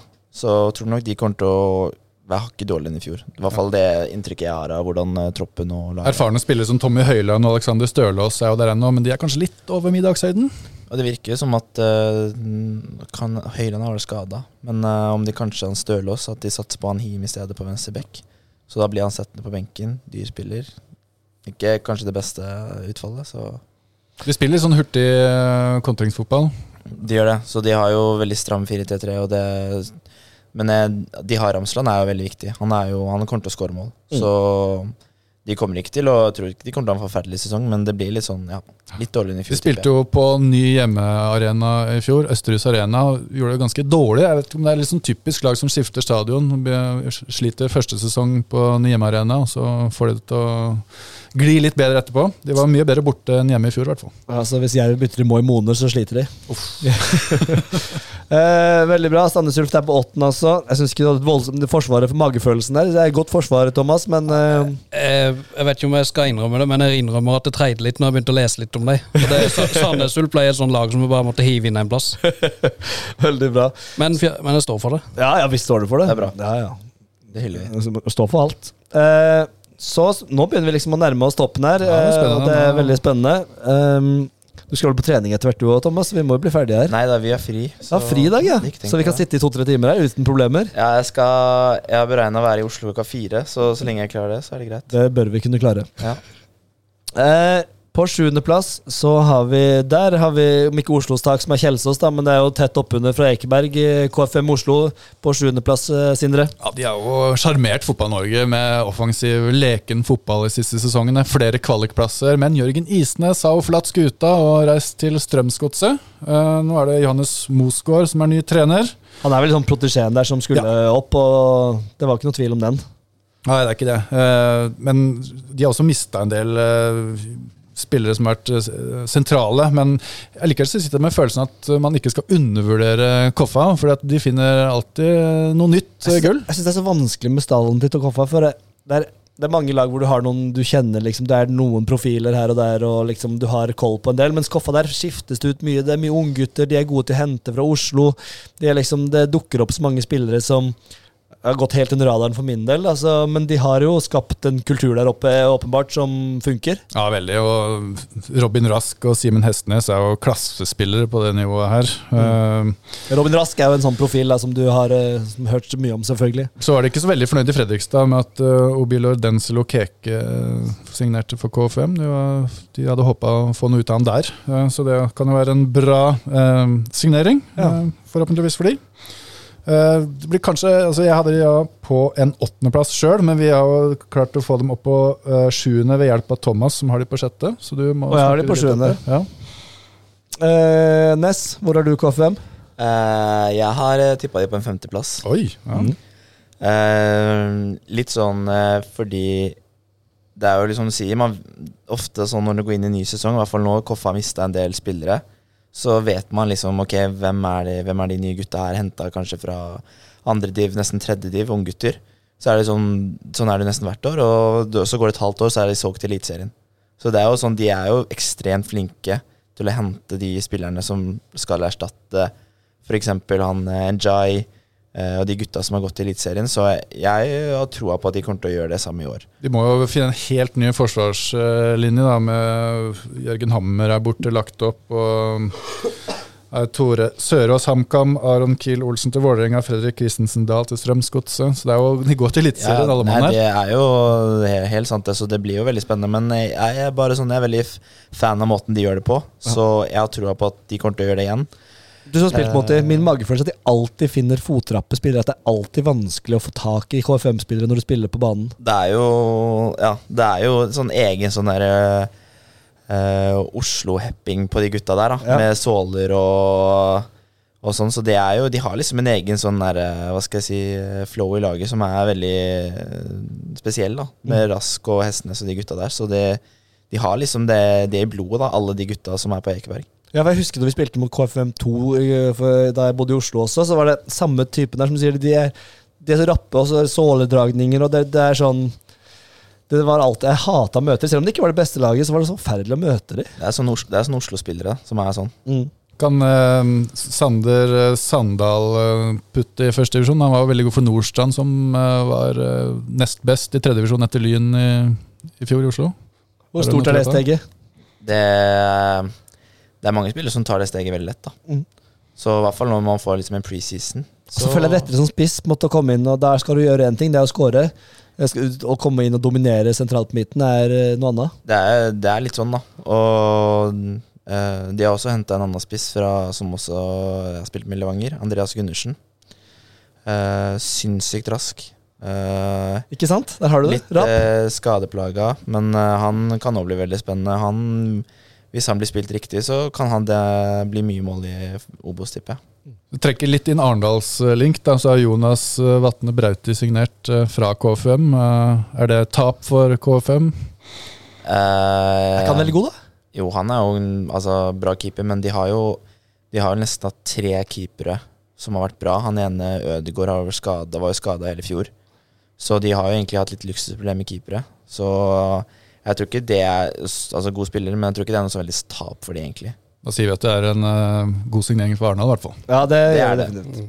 Nei, Så de ryker akkurat på kvalik der. Eh, veldig bra. Da hopper vi opp til kvalikplassene. Nå er vi på topp seks, og da begynner det å bli spennende her. Uh, og Og her ble det sprik ja, på her, sjetteplassen. her var det sprik på sjetteplassen, rett og slett. Uh, for det vi har på sjetteplass, så har vi Kongsvinger. Eh, og det er jeg sterkt uenig i. Uh, Sindre, du mener at de er, eh, skal være på tredjeplass. Uh, Thomas mener sjuende, veldig i nærheten, og jeg mener tiende. Det her er. Eh, og jeg har ikke noe sånn voldsom Jeg kan jo liksom si kjapt hva jeg tenker. Men jeg har ikke noe sånn Argumentasjonen er ikke helt sinnssyk, selvfølgelig, som den aldri er. Men jeg er veldig skeptisk det må jeg si, til Vegard Hansen inn i den rollen med sine satte ting fra Mjøndalen, sine satte metoder, sin, altså sin måte å gjøre det på. Hvordan funker det på en ny plass hvor du får Espen Nystuen, som er Uh, og som på en måte Altså Jeg sammenligner Vegard Hansen litt med Arne Sandstad, som på en måte har vært sjef i eget hus på Mjøndalen. Styrt alt fra spillelogistikk til hvem som lager maten til det. Og det er litt sånn jeg føler Arne Sandstad gjør det på Levemyr også, uten at jeg vet det 100% Men han har nå også kommet til Kongsvinger, og kanskje ikke får muligheten til å gjøre det samme, kanskje får han ikke de samme, den samme kontrollen på alt. Eh, og så var det jo noen treningsmetoder der i vinter som jeg syns så helt spinnville ut. Og jeg synes det, for meg så hører Jeg synes det bare var helt uh, latterlig, for å være helt ærlig. Viktig med form og sånn, men det der greiene de holdt på med med de øktene, maratonøkter og Det syns jeg bare Jeg syns det ble litt sånn Jeg syns det er litt baktresk, rett og slett. Så jeg mm, Nei, eh, de har henta noen spillere, Joakim Holtan vel, og ja. De har tapt mot Mjøndalen, tapt mot Moss i oppkjøringa. Uavgjort mot Stabæk. Jeg ja, jeg tar bare med tapa nå. Nei, Oppsummert så syns jeg Kongsvinger eh, Jeg har ikke tro på Vegard Hansen i en annen klubb. Eh, Jeg har ikke tro på hans metoder der. Og så Ja, det er vel egentlig Det er hovedargumentet mitt, at jeg ikke tror det kommer til å funke, den matchen. Ja, nei, det, det gode argumenter. Takk! Nesten Hva syns du, Thomas? Nei, det er helt rått å høre på. Den argumentasjonen der. Jeg kjøper den 100 Ja, men det er sånn helt ærlig, det er mye, mye sant i det. Så det er, jeg føler det kan bli Det kan gå begge veier. Det er en god førsteelver, da, eh, men det er kanskje litt tynt ellers. Og Adam Eh, Gyven er jo snart 50 år, så, som på en måte folk trekker fram som viktig. Du er ikke, det er begrensa hvor lenge han er god i Obos. Er, er det det? Ja, Hvor gammel ble han? 37? 37. Ja. Da begynner det, Du er over middagshøyden, i hvert fall. Da han skal være med å prege Obos-ligaen i Kongsvinger til, til helt opprykk, eh, nesten, det, det har jeg Men har han ikke sagt det om Gyven i fem år allerede? Jo, men, jo, men en dag tar det slutt. Og det, Adam Given får ikke noe god sesong. Selv om jeg digger den, da. Ja, da, veldig bra. Og Vegard Lerkevold Moberg eh, henta, husker jo han fra overtidsdrama på Nordre Åsen i fjor. Da han skåra for Brann. Eh, så- da, og nå må vi få høre på deg, da, Sindre, som hadde de på tredjeplass. du? Du argumenterte så godt at jeg, jeg legger meg eh, litt på din linje. Jeg syns nesten du vant, vant meg over på din side her. Men uh... Hei, Thomas. Ja, det er bare å ja. de er gode hjemme. Uh, Martin Hoel Andersen er ikke der lenger. Han er borte. Toppskårer for i fjor. Så nei, men de, de, de, det er jo et kobber der. Det blir jevnt mellom kanskje mellom eh, egentlig mellom én og ti. Alle kan havne hvor som helst der. Så noen lag må, må jo nødvendigvis havne på kvalik. Men jeg tror Kongsvinger har gode muligheter. Jeg, jeg har litt trua på eh, Vegard Hansen. Da. Det har vært mye positivitet eh, i og rundt klubben. Så det kan tale til eh, Du kommer som en trener som skal komme inn i en gruppe og har en veldig sånn klar Altså Han har jo ikke en veldig sånn klar Han spiller på mange ulike måter, men det er, liksom, jeg det er bare min følelse. Liksom his way or the highway, på en måte. Eh, og Ja, det er det. har vært noen få spillere i Mjøndalen her som har vært hans sine betrodde, på en måte, og de har spredd det ut med Solberg Olsen og med Mats Hansen og Gauseth og sånn. Eh, så ja. Nei, eh, jeg syns det er artig å følge med på, men jeg har ikke noe tro på han. Nei, det blir spennende å se. Jeg, tror de karrer seg til en sjetteplass, da, er det ikke det vi sier? Jo. Vi, Hva sier du, Thomas? Jeg hadde de på syvendeplass. Ja, Så deilig, Thomas. Vi er litt, deg, vi er litt på Her er vi, ja. Deilig, da. Det var derfor du var så fornøyd med argumentasjonen. Ja. Ja, nei, Vi ender jo med den på sjetteplass. Det hadde det, du, Thomas uh, Thorsen, du også hadde du på sjuende. Så, Ja. ja, det blir, men det blir jevnt. Det blir jo Ja, uhyre jevnt. Ja. Så, det gjør det. De kan jo, men ett sted må de ende opp, og vi tror de ender på sjette. Jeg bøyer meg for flertallet, som Roy Ludvigsen sier. Så da blir det sjetteplass på Kongsvinger. Opp et hakk til eh, Fredrikstad. På femteplass har vi Ja, der sa jeg det. Det var utrolig dårlig formulert. Oppe Det var- hakk til oppe, oppe takk til femteplass. Der har vi Fredrikstad. Fredrikstad, Fredrikstad, Plankebyen. Ja. Ny trener der også. Enda, en Mye nye trenere. Mye nye trenere. Fra Færøyene. Han fikk jo mest, eh, mest overskrifter fordi han, han er politimann. Så ble han jo ble jo sikta for vold på et utested. Eh, Det var det som var stjal overskriften i Norge. Etter det. At han ble Det er fin start. Ja, fin start. Ja. Men han har blitt godt tatt imot i, i klubben og i byen, og de har veldig trua på han. Kommer inn med entusiasme. Det var en fryktelig sesong i Fredrikstad i fjor. Folk trodde de skulle rykke rett opp, men de endte på tiendeplass. Nå er Nikolai Solberg eh, lagt opp. Skåra tolv mål i fjor. Men de har henta utrolig sterkt, uh, syns jeg. Eh, gode, eh, De er kanskje overgangsvinnere. Enig. Uh, Tim Bjørkstrøm er jo henta kaptein fra Sirius i Allsvenskan og mange år i Allsvenskan og Superettan i Sverige. Veldig spennende. Simen Ravn har kommet inn. Magnusson på islandske også, som Ja, Johannes Bjartalid fra Klaksvik og Simen Brandur Raffen, Hend- ja, ikke minst, ja, ja. som kanskje er det viktigste. Simen Raffen inn der, eh, tilbake i Fredrikstad. Eh, Ja, Brandur Henriksen. Det er jo noen færøyere og islendinger her som kan gjøre det godt. Um, og ikke Babukar Conté, da, som ikke fikk spilt noe på Sarpsborg, men som kan gjøre det bra i førstedivisjon uh, i Obos. Eh, Fredrikstad ja, ja. Han var vel innom Jerv òg? Det var han. En Ja, stemmer det. eh, halvt år på lån. stemmer det. det var, eh, Åssen var han? Eh, veldig, veldig fin gutt, da. Ja. Han kunne jo nesten ikke noe engelsk. Men eh, han eh, Ja. Navnet er jo veldig lik Kanté. Ja. Eh, og han er jo det samme sånn spillegutt eh, Ja. som Kanté, da. Så han er jo Og ekstremt eh, Han har ekstremt potensial. ja. Han. Så han har litt X-faktor i seg? Ja, ja. Det blir Altså, hvis han får spille eh, Spille gjennom hele sesongen, så tror jeg han kan slå ut i full blom, så det kan bli veldig bra. så blir det jo, det er jo Andreas Hagen er Yes. assistent. Uh, Henta inn til trenerteamet der. Eh, hva kan han bidra med inn i Fredrikstad-miljøet? Han uh, kan bidra med mange fine kommentarer, i hvert fall. Uh, han kan å, Bedre er, skussmål er vanskelig å få. altså Det er tenker jeg topp én kompliment du kan få. Da. Ja, det er enig. At man har fine kommentarer. uh, nei, men også er han jo Han er jo blitt, uh, som han sier selv, en fotballnerd når det gjelder analyse og sånn. Mm.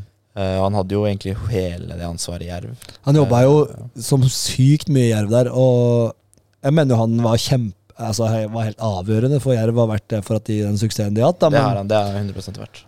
Det er litt vanskelig å se utenfra, men hvis ikke, jeg er veldig spent på hvordan ja, det, kan, det kan vi snakke om etterpå når vi kommer til Jerv, men uh, litt nysgjerrig på hvordan nye assistenttreneren også fungerer sånn opp mot Andreas Hagen. da, Men Hagen inn som assistent der. Eh, Jeg hadde Fredrikstad på fjerde. Vi endte på femteplass, du hadde de på femte, men du hadde de ned på niende, Thomas. Ja, det, Er det en lite stikk til Andreas Hagen, eller hva er det? Jeg er spent på Det er jo alltid noe greier med Fredrikstad. Ja. Liksom. Det er greit, det kan bli veldig bra, men eh, det kan bli veldig dårlig. Det er sånn som i fjor. Ja, Det er jo eh, absolutt. Det er jo, vi skal til en annen kaosklubb etterpå, men, men det er jo, Fredrikstad er jo liksom mye uro rundt eh, greier, og det er store forventninger. I vinter har det vært trøbbel i det supportermiljøet, fordi det, det har vært en, en gruppering som har lagt ned eh, fordi klubben ikke har tatt avstand mot eh, supportere som har kommet med na nazistiske tilnærminger på tribunen. Så det Såpass, ja. Ja da. Ja, men Det er alltid noe som sier Og de har jo henta my eh, mye bra, men de har henta mye. Og det å sette en tropp sånn Du har vært med på det noen ganger, Thomas, og liksom i Jerv også, hvor det er mye nye spillere. Åssen er det på en måte når det kommer mange nye spillere inn og setter, setter det inn mot seriestart? Uh, det er jo uh, Selvfølgelig, som alle skjønner, så er det veldig utfordrende. Men uh, det verste, eller det som jeg føler kanskje ikke er så problematisk for Fredrikstad, er at de får liksom nå har jo hatt tre måneder å kunne sette det på. Mm. Det er litt mer utfordrende når det kommer mye på en gang I mars. i, eller i midten av sesongen nå, Ja. ikke sant? Uh, da er det veldig vanskelig, og da skjer det mye. Men når det skjer gjennom en preseason, og det blir satt, så har jeg troa på at det faktisk kan bli veldig bra. Eh, jeg tror Jeg har jo satt Fredrikstad på tredjeplass, da. Så jeg tror at de kommer til å gjøre det veldig bra. Henta rutin, Jeg rutinerte føler vi er på, på, litt på samme side her, Thomas. Ja, vi er jo Du var hardt ute med krigsen med øksa ja, i stad, men? Man skal gi, eh, gi kjærlighet, og så skal man være litt hard tuk, tilbake. den, man, den man elsker, tukter man, som det står i Bibelen. Det var det jeg tenkte på. Ja, det var det du ville si. Det var det, jeg tenkte på. den, den lå på tunga. eh, men ja, jeg tror Fredrikstad kan bli veldig bra. Det tror jeg. Jeg vet Eh, forresten ikke om det står i Bibelen, men eh, det føltes sånn. Det føltes litt Jeg burde sånn. vite det. Mm. Ja, sorry, Thomas. Tredjeplass hadde du de på. Ja. Ja. Vi, de endte på femteplass. Så går vi opp på topp fire, da. Og nå begynner det å Nå tripper jeg lytterne. Jeg håper de er litt spent, i hvert fall. Eh, på fjerdeplass så har vi Sindre ditt kjære Sogndal. Ja. Og du hadde de på sjetteplass. Ja, det er på sjetteplass. Sindre Thomas hadde de på femte, og jeg hadde de på tredje. Eh, ta oss gjennom Sogndal. Her er ikke vits at vi andre sier noe Er det lov å spørre hva slags relasjon du har til Sogndal? Ja, jeg er fra Gol i Hallingdal. Det er jo da midt mellom Han er fra Gol, Ja. og derfor heier han på Sogndal. Ja, det er midt mellom, det er Det er greit, Det er det er midt mellom, midt mellom Drammen og, og Sogndal. Halvparten heier på Sogndal, og halvparten heier på Godset. Er det sant? Ja, Det er to og en halv time hver vei. Og så I tillegg er pappaen min fra Sogn. Uh, Vik i Sogn. Jeg trodde du kødda. jeg. Ja, ja. Er det mitt Ja, Det er det sjukeste jeg har hørt. Det visste jeg faktisk Ja, ikke. dere, dere sørlendinger kjenner jo ikke til dalstrøket innafor. Jeg har bare hørt det på meteorologene sier jeg, så er det litt eh, Det blåser opp i dalstrøket innafor. Ja. Nei, altså, pappa er fra Vik i Sogn, så han har jo spilt mange år i Sogn og Furane-fotballen og har god kjennskap. Er det han der, som sitter der, er firkantfar der på torget? Ja, først, først, En liten Ylvis-referanse for de som har sett den. Mm. Ja, nei, men Ta oss gjennom Sogndal. Åssen ligger det an uh, Saftbydjo? Nei, de har jo Tore André Flo som eh, trener. Eh, debuterte som hovedtrener i fjor og ble henta fra akademiet til Chelsea. Eh, legger opp til en veldig ambisiøs spillestil eh, med mye fiksfakserier og kortpasninger. Unge gutter, lokale spillere som vanlig. Mange U-landslagsspillere. Er det hans fuck you-finger til Drillo, liksom? Bare sånn Eh, ja, Chelsea-systemet. Han har vært mange år som barn- og ungdomstrener i Chelsea. Eh, og han er var det er jo Flonaldo vi snakker om, da. Ja. Så Absolutt. ja, det var store forventninger til, til Flo. Han tok med seg noen engelske trenere på lån. Han lånte jo trener inn fra Chelsea-systemet, som var man som assistent. Eh, to, to ulykker. Eh, Såpass, ja. ja. da. Nei, det det jeg synes det det er et veldig spennende lag. Eh, mange gode spillere. I fjor var det islendinger og Andreas van der Spa som dro lasset, som vi husker fra Arendal. Uh, Rense Fei i mål, uh, strålende. Jonathan Jonsson, som var inne på introen. Uh, Feineflatt fotballspiller. Henta inn eh, Alejandro Diaz fra Mexico uh, i sommer. Kan potensielt bli en toppskårer, men de skårer jo ikke nok mål. I vinter har det vært helt vanvittig tørt, altså. Det var nesten ikke skapt målsjanser. Er, var også best mellom boksene i fjor. Slapp inn mye mål. Jeg ser på resultatene. Ja, det er 0 de har 0-0 mot Raufoss, 0-2 mot Hødd. Ja, De har ikke skåra på seks timer, eller hva det er. Så, men de har henta Henta smart, syns jeg. Kasper Skånes fra Brann er inn. eh, og Daniel Arocha, som jeg har nevnt. Kasper Skånes. Bare hvis vi stopper litt der, da. Hvor god er han egentlig, Thomas? Jeg, jeg må si at Kasper Skånes-hypen, den er ikke jeg med på. Du henter jo spillere som du vet hva du får av, da. Det er jo løpskraft og eh, mye rutine. Mm. Eh, så er jeg litt spent på hvordan han Jeg tror han sliter, har slitt med noen lyskevarianter her. Så det kan jo bli litt utfordrende det nå. Nå vet jeg ikke om han fortsatt sliter med det. Men han øh, strøyk jo medisinsk test i Ålesund, så, Ja, han gjør det. så det kan jo være litt utfordrende, da. Ja, han er jo en type som trenger de eksplosive muskulaturen i, i behold. Absolutt. Sogndal spilte også jevnt mot Lillestrøm i cupen. Var spilt tellende kamp i, i mars. Tapte 1-2 hjemme. Daniel Rocha skåra. Ikke sant? Har du prata noe med Arocha etter han har gått dit, eller? Det har jeg. Eh, vi prater vel eh, nesten en gang i uken sammen. Så, Såpass, ja. ja. Dere hadde en såpass relasjon? eh, ja, han- er jo blitt nesten som en storebror for meg. Er det så sant? han tar meg litt i nakken hvis jeg blir litt, litt mye det ene og det andre. Så han er veldig, veldig fin og har blitt eh, kaptein nå i Sogndal. Har han det òg, ja? ja. han Hva, har hva, fått, hva eh, sier han om eh, årets utgave? Nei, han uh, sier jo Det er jo litt samme inntrykket som jeg har òg, at de er jo et veldig spillende lag. Uh, det syns jeg de var i fjor òg, så de skal jo bygge videre på det. Uh, og så da De har jo en del spennende spillere. De har jo Isak Tvum på midtbanen der. Han Han er er jo bra både offensivt og defensivt. Så ekstrem løpemotor. Så det er som du sier, jeg er litt spent på det med målscorer. At Og det er kanskje det som er siste de mangler. Hvis de får Endre Kupen tilbake i godt gammelt Florø-slag, så kan Endre Kupen, det er så deilig navn for meg. Men han derre syveren, er det Jonsson han heter? Ingemarsson og ja. Der er de Altså, han syns jeg var veldig bra i fjor. Mm. Og så må ikke glemme ungguttene Erik Flataker, som kan spille seg inn i førsteelveren. Sondre Ørjasæter på vingen er bra. Og Mathias Øren, sønnen til Tommy Øren, han eh, er også en god midtstopper, da. Ja. Og så er Per Egil Flo. eh, alltid en Flo i Sogndal, så han, er, han spiller på venstrebekken. ja. Nei, men eh, Spennende. Gøy at Arocha er veldig gøy for Arocha. De vil savne, ja, de vil savne eh, Ulrik Mathisen, som var på lån fra Lillestrøm i fjor. Han har nå gått til Brann. Og Lereng er godt i Arendal fotball. Spilte han noe i fjor, han, spilte eller? en del. Ja. Mm. Han synes jeg virker god for Arendal fotball, og en eh, fin stopper i andredivisjon. Men det kan bli, altså, potensielt kan det bli veldig bra med Sogndal. De kan rykke direkte opp, eh, men det kan også havne utafor playoff, sånn som de gjorde i fjor. Eh, etter at De går jo opp og ned mellom det øverste og neste øverste nivået, sånn stort sett, i 40 år. Ja. Så i fjor var første gang på mange mange år at verken ble opprykk, nedrykk eller kvalik. Så vi får i hvert fall håpe det blir, eh, i hvert fall at det blir playoff i år. Fått en god pause, da. God pause. Ja. Nei, men Vi har Sogndal på fjerdeplass. eh, Altså, Hvor har du Sogndal, forresten, eh, Thomas? Jeg hadde de på sjette. Sjette, ja. Likt som Sindre. Så er det topp tre, og det er jo, ikke noe, det er jo um, lagene som er der. Det er Jerv Kristiansund og Start som vi skal plassere nå. Uh, og der har vi da endt på tredjeplass. Eh, og her har jeg forberedt en forsvarstale de luxe. Fordi her har vi på tredjeplass har vi Start. Eh, Sindre og Thomas, dere hadde de på andreplass. Jeg kjørte de på åttendeplass. Eh, og, og jeg må Det er forklare kos. Nei, jeg må jo forklare litt, grann, fordi altså, en ting er jo at det er med, med, her med hjertet og liksom at eh, jeg har ikke så veldig mye til overs for Start. Eh, og så var det like viktig for meg at jeg, hvis jeg først skulle ha de litt nede, hvis jeg hadde hatt de på fjerde-femte, så hadde det ikke spilt noen rolle for tipset vårt.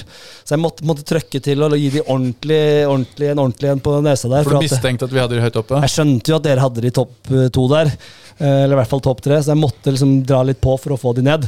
Eh, Men jeg har jo, altså jeg, mener, jeg mener jo at jeg syns Start er opphausa. Og apropos treningskampresultatet hvor de blir gira og høye på seg selv, så er jo Start alltid der. Eh, De skulle tro at de er eh, klare for Champions League med alle de gode treningskampresultatene de har hatt. Um, og så syns jeg det er et startlag. Eh, start er jo alltid sånn når, det, når håpet er stort, så går det ofte dårlig. Og det er litt sånn jeg føler det nå. Og så er det mange unge spillere som skal ta mye ansvar. Dervis Gadic for eksempel, er 18 år, liksom, som skal være en Han er jo kjempegod, for all del. Masse kvaliteter. Men uh, i Obos-ligaen, hvor det er tett og jevne kamper, nesten uansett om du møter Åsane, Raufoss eller Sogndal, uansett hvem du møter, så er det knalltøft. Uh, og jeg ser ikke helt den der stallkvaliteten som man snakker om heller. Uh, og får en litt dårlig start, begynner å koke litt. Røde-Rolf som er henta inn, hva er han for en spiller? Jeg tror ikke han kommer til å dominere noe på det startlaget her. Gøy å hente lokalt, men eh, ikke, jeg har ikke veldig troa på han. Eh, forsvaret, det, der er det en del bra spillere, de har mista Tønnesen, de har mista Ndong. Eh, for meg så er ikke Henrik Ropstad noen sånn en forsvarsstjerne i, i førstedivisjon. Han er eh, helt uh, medium på førstedivisjon, i mine øyne. Uh, Vito Wormgård, gammel, treig, litt er ma- mange spørsmålstegn. De har litt skader. Schulze, Antonsson er litt skader osv. Uh, jeg tror Mye at skader, ja. ja, og, og jeg vet ikke, få en dårlig, med skaden i starten nå. Schulze spiller kanskje ikke i starten. Antonsson spiller kanskje ikke i starten. Får en dårlig start, begynner å koke litt. Begynner det å skje litt ting i sportslig styre, så begynner Kjelmland å få litt press på seg. Nei, eh, jeg tror eh, Om de ikke ender på åttendeplass, så tror jeg i hvert fall ikke det blir noe eh, De er ikke i nærheten av de to Du har det på åttendeplass. så- Ja, jeg har det på åttendeplass, men jo, nei, de, kommer, de går utenfor kvalik her, faktisk. Det er det deilig. Ja, Og så er det eh, deilig å fyre opp litt i vest, og jeg syns de er, de er høyt oppe nå. Måten de snakker om Jerv på, er jo Jeg blir forbanna. Ja, men eh, vi er, vi er Agderpostens uh, tabelltips, og da har vi jo selvfølgelig valgt å sette de som lillebror. Uh, tredjeplass. Eh, Nei, men- det var min tirade, Ja, da, Thomas. Du er jo, du er jo på innsida av det meste her. Hva, hva tenker du? Eh, jeg kan bare si jeg hadde de på fjerdeplass da på tipset mitt. Deilig. Eh, um, så prøve å eh, ha litt eh, Altså en litt, hva skal jeg si, mer analytisk tilnærming til det. Så hadde jo de har mista selvfølgelig Chris. Mm. Uh, skal for øvrig inn og besøke han nå i dag. Blir hyggelig å se han igjen. Uh, og han har vært veldig viktig for de. Han var jo kaptein for to Mm. år siden. Mm. Visekaptein i fjor, da Wormgård kom inn. Kom inn. Eh, og jeg, tror, jeg føler ikke de har erstatta han i det hele tatt. Jeg tror ikke Vikstøl kommer til å ta den eh, stoppeplassen som han hadde. Og Chris kunne også spille venstreback når Ndong ikke spilte, så den er jo Og for he hele kulturen så har Chris vært veldig, veldig viktig. Så det er et stort, uh, stort tap. Og så er det jo det med den Så er jeg veldig usikker på uh, Jeg kjenner jo ikke godt til hans nye spissen, han La, Jack Lane. Det er ingen som kjenner til han Så her. eh, det kan jo gå begge veier. Hvis han scorer mål, hvis han kan bli like het som det Brunes var i fjor, så kommer de nok til å gjøre det enda bedre. For de har en, de har en god stamme av spillere, det har de. Men de er avhengig av å treffe på den. Eh, så derfor er det sånn Derfor er jeg litt usikker på det. De har mista to-tre spillere. Mista, de klarte ikke å erstatte Brunes helt i fjor da han dro til godset, så og så I tillegg så prøvde jeg å få eh, Mini da til å kjøpe målaksjer i Jerv, og det skulle han ikke. Så da ble jeg ekstra bitter på det. da. Det er en plass ned bare pga. det. Riktig. Jeg tilbød han faktisk også om han kunne kjøpe målaksjer på målene vi slapp inn. Men det vil han heller ikke. Så han har jo mista det helt. Han må jo Ja, bidra litt, kan da. jo bidra lite grann, da. Ja, nå får, Hever millionlønn i start der. Ja, kan ikke bidra med en hundrings liksom jeg, det er utrolig. Vi, vi har dem på andreplass. Ja, nå må- eh, nå har vi- nå må vi snakke det- det litt opp her. Nei, det er jo eh, Jeg satt dem eh, Eneste grunn til at jeg satt dem foran Jerv, var for å lage litt fallhøyde. Ja, ikke sant? Fordi, fordi, ja. Så det, det blir mitt ansvar å snakke du- de opp. Nå Ja. må du Det kan jeg faktisk, skal vi ikke bare sette Start på førsteplass, da?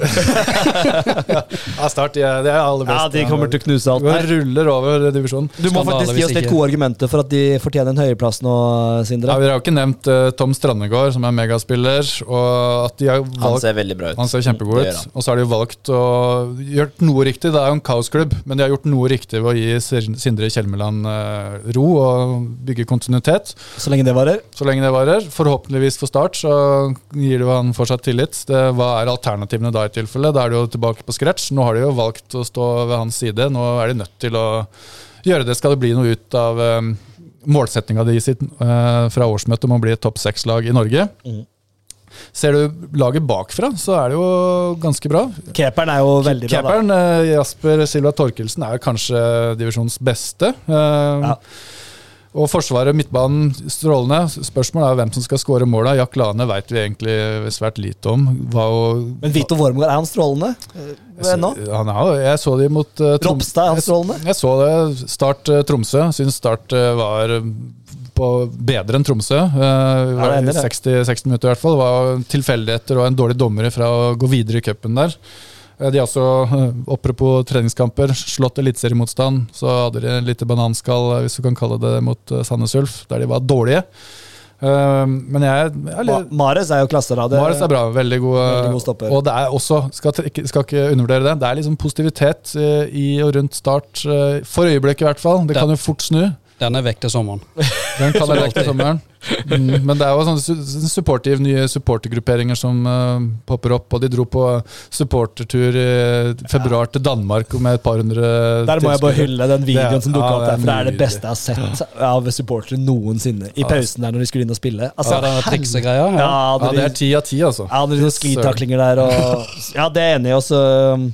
Ja, eh, det, det, det er absolutt enig i det. Og Østigård også. er Spennende. Fabian Næss Østigård. Ja, Ness. Ja. Nei, Fabian Østigård Næss. Mm. Mm. Uh, og så skal det heller ikke altså, til Snakke det litt ned, da, så er jo dette usikkerhetsmomentet rundt økonomien er det jo alltid rundt eh, start. Eh, de har ønske om å få opp en supporterpub på stadion, og da trengte de 180 000 kroner som de måtte betale til kommunen for å få det opp. Så de- klubben opprettet en spleis, sånn at de kunne ha en supporterpub på stadion.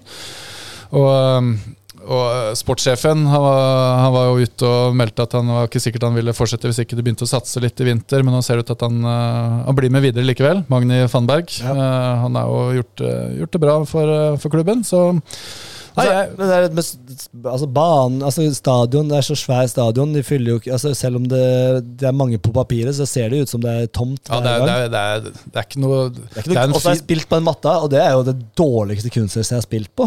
Eller har de bytta nå? Det er, det er ikke bytta, nei. Det er helt forferdelig. ikke veldig bra, nei. Jeg ble helt sånn sjokkert. Vi skulle Og det er ifølge Tønnesen nå jævlig dårlig til vannet på kampdag. Så det blir jo alltid tørt der. ja men, ja, men det var jo helt sykt tørt. Og det virker, altså, jeg spilte der vi, med Imos mot Tigerberg eller noe sånt. Og jeg tenkte nå skal vi spille på Sør Arena, blir vi kvalitetskunstgress. Så kom jeg inn der, så jeg føles som Hollevika kunstgress eh, 13 år gammelt eh, i Grimstad der. Det var sjokkerende at det skal være lov å ha det kunstgresset, må jeg bare si. Ja, Det er jo altfor stort. De kunne jo holdt med én etasje og fortsatt ikke fylt. Så Mm. det, det er litt sånn det er en sånn dårlig følelse. Det er en kjempeflott stadion og brukt massevis av penger. Og De hadde også planlagt altså de, de kan også bygge en tredje etasje. Det er jo Sør Arena er bygd sånn Er det sant? de kan sette opp en tredje Den etasje er på veldig fin, toppen. faktisk. er det sant? Sånn, I tilfelle det blir Champions League, så kan det bli tre etasjer der. Men det blir det ikke. Og det blir heller ikke deilig fullt å hus. rante litt på start. Det kjenner jeg det gjør godt, faktisk. Men også det er litt forhold til start, sånn eh, både nåværende og historisk, Thomas.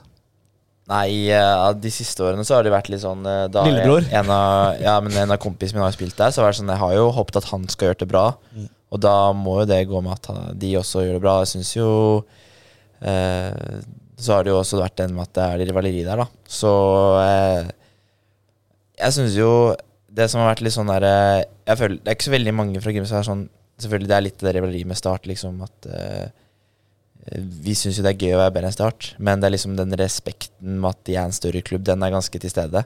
Men eh, det er sånn når jeg hører liksom mye Start-folk snakke om her, så er det sånn, det er sånn verd, Vi er liksom verdens minste klubb. Så sinnssykt Og det er sånn Ja, det er liksom ikke Ja. noe respekt for det som har skjedd. Jeg, jeg ville tenkt sånn Hvis Ja, jeg har vært. Start-supporter Ja, ja. eller uh, jobba i Feven eller hva som helst, og ikke, kanskje ikke akkurat på de, da, men at, uh, at de, ja, det har vært litt sånn eh, litt smålig mot Jerv. Jeg syns den eh, selve den, altså hele historien med Jerv nå de siste årene har jo vært ganske, ganske fett, for å si det mildt.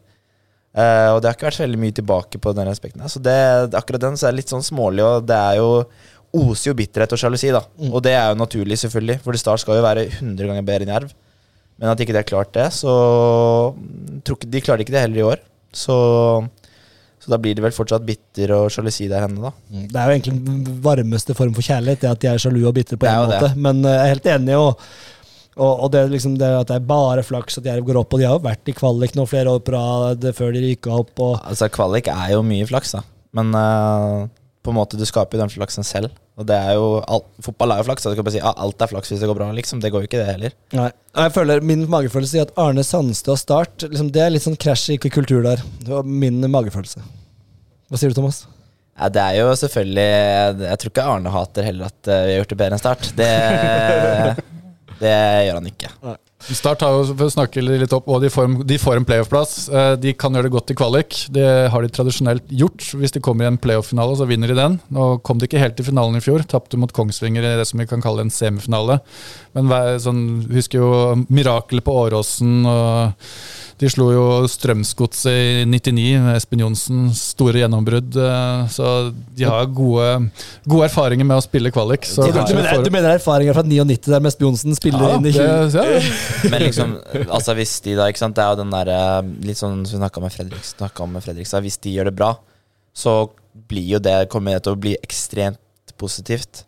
Fordi at de har jo Altså Start har jo, er jo en enorm klubb Mm. i forhold til å være i Obos-ligaen. De skal jo aldri være i Obos-ligaen i så mange år på rad. De skal jo ikke det.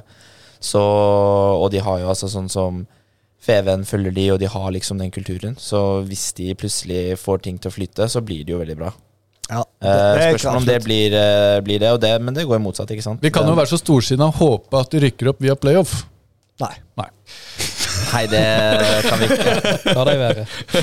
så det blir åttendeplass. Eh, Så er det topp eh, to, da. Eh, Og Start på tredje, altså. Og på andreplass så har vi Jerv. Eh, Og der hadde du de på fjerde, Sindre. Thomas stod de på tredje, og jeg hadde de på andre. Vi ser hvem som er patriotene her uh, rundt bordet. Altså, jeg er også selvfølgelig svært objektiv journalist, men uh, Selvfølgelig. hjerte for Jerv, det har man jo. Um, så snakker vi med én stemme. da Andreplass for Jerv. Det er jo da ville det vært tidenes beste førstedivisjonsplassering for Jerv. Altså tidenes sesong for, for Jerv. Det er det vi legger opp til her. Ja, og det, står, jeg- det mener jeg. Det er absolutt Ser du på staden Det viktigste for meg er den defensive eh, soliditeten som har kommet. Nå mista Norheim, og så likevel så syns jeg det ser mer solid ut nå enn det har gjort før.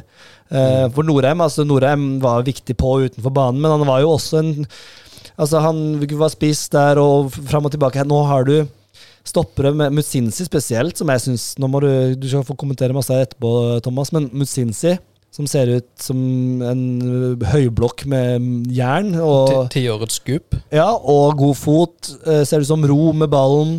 Eh, har jo x antall millioner rwandiske fans som de har fått på Instagram der. Kan sikkert tjene noen annonsekroner etter hvert. Han ser enormt bra ut. Eh, Sandberg som nydelig fyr, eh, som begynner å Det tar tid å bli en god stopper. Du skal ha litt år på baken. For et år har fått noe, et år i Eliteserien, spilt litt der, og nå får han en mye viktigere rolle plutselig i Jerv. Eh, og tror han kommer til å blomstre. Og Larade også. Han har ikke sett like mye av, men ser også ut som en strålende signering.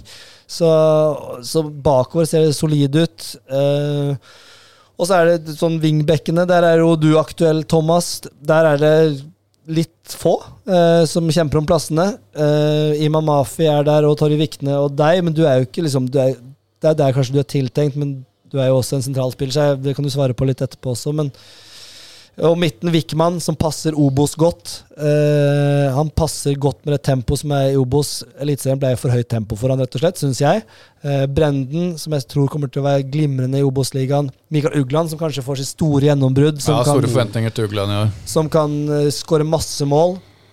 Og så den jeg tror kommer til å være Obos-ligaens beste spiller i år, Leandro Fernandes. Jeg tror han kommer til å være kanongod. Jeg, han, jeg håper liksom han finner roen og, og, og stabiliteten der. Eh, og framover, Hustad og Wilson. Kanskje der er mest uh, spent. Uh, så ærlig skal jeg være. Men i det hele tatt, jeg syns troppen og alt ser bra ut. Uh, Det ser jo bedre ut enn i fjor på samme tid, gjør det ikke? Absolutt. Thomas, nå har jeg sagt mye, nå skal jeg holde litt kjeft. Hva tenker du om det jeg har sagt, og er det, hvordan føler du det selv? Nei, du oppsummerer det jo ganske bra, syns jeg. Uh, syns jo, som du nevnte først her, det med den Det stoppetrioen som har forma seg nå, er sinnssykt bra. Og det, det er liksom Sånn som i fjor, så var det jo Det var jo så veldig Eliteserien, men den defensive var jo ikke bra nok over hele linja. Ja, man, man rullerte jo mye også på stoppeplass der. Det var mye forskjellig. Og det å kunne sette det og sånn eh, Også de tre, men også har du eh, Enzo og Bredeli, som også når de kommer nå inn, eh, spiller forrige kamp mot Bryne, så har de sånn den roen på at de vet de kjenner til rollen sin, og det er mye mer lettere å forholde seg til, fordi når de skal inn og spille igjen nå, Mm. så eh, den defensive tryggheten, i hvert fall sånn som jeg, eller vi oppførte selv også, er eh, mye bedre enn det noen gang har vært. Er ikke det sinnssykt digg som spiller å vite at Altså, du, du, mye som kan skje utpå her, men defensivt så er vi gode, i hvert fall. Ja, det er jo det. Og, og det er å ha den selv, Hvis du bygger deg den selvtilliten nå, så er det lettere å Ja, du, alt blir, du har mer ro på ting, da. Uh, så er det ikke det at uh, vi kommer til å slippe inn mål òg, selvfølgelig. Så, men å ha det, det er jo det som på en måte setter grunnlinja for at du kan rykke opp direkte. Mm. Er at du har en bunnsolid defensiv struktur. Uh, og det Det tror jeg vi har i hvert fall ganske god forutsetning for han nå. Og så må det bli enda bedre også. Det kan det jo bli. Og hvis vi kan klare å utvikle det gjennom sesongen, så tror jeg at vi kommer til å være gode nok offensive også til å være helt i toppen. Din rolle, åssen blir den i år, tror du? Nei, det er som du sa. Uh, akkurat nå så er det jo to klinke vingbekker. Det er jo Vikne og Iman. Uh, jeg har jo både spilt høyre og venstre i preseason. Uh, så eh, vi har jo egentlig nesten alltid hatt dobbel dekning på, på vingbekkene. Og det har vi jo ikke nå, så det er jo forventa at det skal komme inn en til som kan eh, bidra der. Eh, så, men jeg er jo veldig sånn Jeg har jo spilt til og med mot Arendal spilt en omgang som sidestopper òg. Så jeg vet jo at det, jeg kan spille litt forskjellige posisjoner, men det er jo uh, Jeg har jo en utfordrerposisjon, og den tar jeg, tar jeg 100% og kommer til å prøve å bidra som overhodet kan begge plasser, egentlig. Mm. Både Strømpan og Wingbekk. Så jeg gleder meg veldig. Det er jo aldri vært fetere å være i Jerv enn det er i år, med tanke på forventninger og Heller enn hva skal jeg si, som kanskje ikke du eller dere kjenner så godt, så er det liksom en eh, Føler er en helt annen på en måte ro i form av at det er blitt vi klarer å vokse som klubb på en enda på høyere nivå med tanke på hvordan ting er på klubbhuset. Eh, litt mer ryddighet i form av hvor FFO er til enhver tid. De har fått egne kontorer. Eh, eh, treningsrommet har blitt eh, shina litt opp. Det har blitt litt mer toppklubb, rett og slett. Ikke sant? Og det, det, det tar jo tid. Mm. Ikke sant? Eh, Det er jo ikke så ekstremt lenge siden det var andre div og tredje div. Ikke sant? Så det er jo sånn Klubben vokser sakte, men sikkert. Det, det merker man nå. Og det, klubben har jo helt annerledes, andre forutsetninger økonomisk òg, og det gir jo en mye mer ro for hele klubben nå, ikke sant. Eh, Så det er, det er veldig, veldig gøy å være en del av. Det er det. Der kjenner du godt til uh, Skjeggedal. Du, du, altså økonomien, hvor viktig det har vært for Jerv å få liksom, få ordna det etter jeg vet ikke hvor mange år det har vært i rød sone, men mye? Det har vel vært i rød sone siden 2017, eller noe. Det ble jo utsatt, eh, De fristene ble jo utsatt eh, fra, fra 2020 vel til eh, eller 2021 eh, pga. koronapandemien. Så det ble jo En fikk jo eh, fritak, holdt jeg på å si, der fra de reglene. Eh, så det var ekstremt viktig å endelig få det på plass, eh, og kunne faktisk være offensive på markedet igjen, og ikke måtte vente sånn som i fjor. De måtte vente helt til slutten av mars omtrent før en fikk eh, en spillerstall på plass. Mm. Nå har en, det har liksom sett solid ut til første treningskamp. Og nå har jo jeg vært her og dekka Jerv siden, siden opprykkssesongen, iallfall. Mm. Uh, jeg syns vel aldri nesten det har sett så solid ut, og at den har kunnet sette så høye forventninger til laget som nå. Mm. Ja, og hele organisasjonen, styret altså PG har gjort en kjempejobb. Når Øyvind Johannessen inn, litt yngre blod der også i styreformen, på en måte. Og det er jo, fallhøyden er jo stor, da, men jeg syns, som du sier, Thomas, at det er lenge siden jeg har kjent på den der Kanskje ikke sånn optimismen, men mer tryggheten. Mm. For den har vært ganske fraværende i Jerven en del år. hvor Hva i svarte, hva får vi? Eh, Det kan være himmel eller helvete. Mens nå er jeg Jeg tror ikke det blir helvete, men det kan bli himmel, og det kan bli midt på. Men jeg tror ikke det skal mye til for at det går helt, helt En playoff-plass jeg føler meg rimelig bankers på. Eh, Arne Sandstad har vist at han behersker førstedivisjonsnivået førstedivisjonsnivå og overganger og kan finne gull der andre bare finner gråstein. Mm. Så det at eh, man ikke har hørt om alle nykommerne, det behøver ikke være negativt. Så plutselig så får vi noen eh, nye superstjerner og Mm. fester på ryggene våre. Ja, det er jo Samuel Pedro også, glemte jeg å nevne. Men Tore Mutsinser, har jeg- rett? Altså, Det er det, det vi har sett ut fra Thomas, vi har snakka litt om det på jobb her, og at han, han ser ut som en, gullsignering. Det, det tror jeg også. Eh, det han viser på trening og har vist i kamp. Så han er jo en, eh, som jeg tidligere nevnte, en veldig rolig person. Veldig litt ikke sjenert, men eh, han har en sånn aura over seg. Oser Osero, da. Og det viser han jo med ballen, og han har jo en fysikk eh, som er ekstremt bra. Han er, viser på GPS-en at han er ekstremt rask òg, så Ja, det er interessant. Uh, han eh, er en veldig, veldig fin, eh, fin fyr å få inn i gruppa der. Mm. Hvordan takler klubben det å ha litt forventninger Ja, på seg? Det, det- lurer jeg på. Det, det, det er et veldig godt poeng. Men jeg tenker sånn, er man, eh, er man glad i jerv, så tror jeg man i hvert fall kan sette litt pris på det. At, eh, at jerv da har klart det gjennom alle disse årene. Vært litt turbulent, mye som har skjedd. Gått nesten fra å rykke ned, ikke sant. Spille playoff til andre div. Og så være Eliteserien. Så det er jo liksom, man har klart, klart ikke helt å liksom ta alt eh, inn over seg, kanskje. så kan man jo heller sette pris på at man har klart å vokse litt som klubb, og at det kommer til å fortsette òg. Det kommer det til å gjøre. Og det, det syns jeg er veldig gøy å være en del av. Eh, og man ser det også kommer, begynner å komme litt spillere underfra. Eskil, uh, blant annet. Mm. Så da får du spilletid i Obos i år? Det tror jeg han kommer til å få. Mm. Hvis han eh, holder seg skadefri. Og særlig sånn når en ung spiller så ung som han er, og så er det jo mye å si med tanke på hva som skjer rundt om i troppen. Men hvis han får sjansen, så kommer han til å gripe den nå. For han er veldig veldig god teknisk eh, fotballspiller og smart, og han har veldig god fysikk til å være så ung. Og så har du da Håkon Krogli igjen, som har vært skada nå lenge, dessverre. Uh, men veldig spennende stoppetalent, og er jo bare 19 år. 18-19 år. Eh, så det er liksom uh, så har vi deg og Mafi, da. Som for oss som, som vi er jo eldgamle, vi, da, ifølge deg. uh, så det er jo veldig gøy å, å kjenne på det, og det er jo et, det er jo et eh, poeng på at det viser at klubben også har vokst, eh, vokst de siste årene. André Rikstad, hva kan vi forvente av ham når han kommer tilbake fra skade? Uh, veldig, veldig fin teknisk spiller. Han har litt sånn, uh, noen kompiser mine, sånn uh, kretslag-hånd. Touch. Litt sånn Martin Ødegaard-teknikk der. Ja. Eh, veldig veldig deilig spiller og veldig fin fyr. Og så er jo han eh, helt forferdelig for han å komme inn tre uker inn i preseason og bli skada. Eh, men han er også en eh, spiller som altså, Han er jo kjent til lenge, da. Jeg har egentlig hata å spille mot ham, for han har alltid vært sånn sinnssykt teknisk og vanskelig å ta ballen fra. Men eh, når han nå kommer til å få komme seg tilbake fra skade, så tror jeg det kan bli veldig spennende.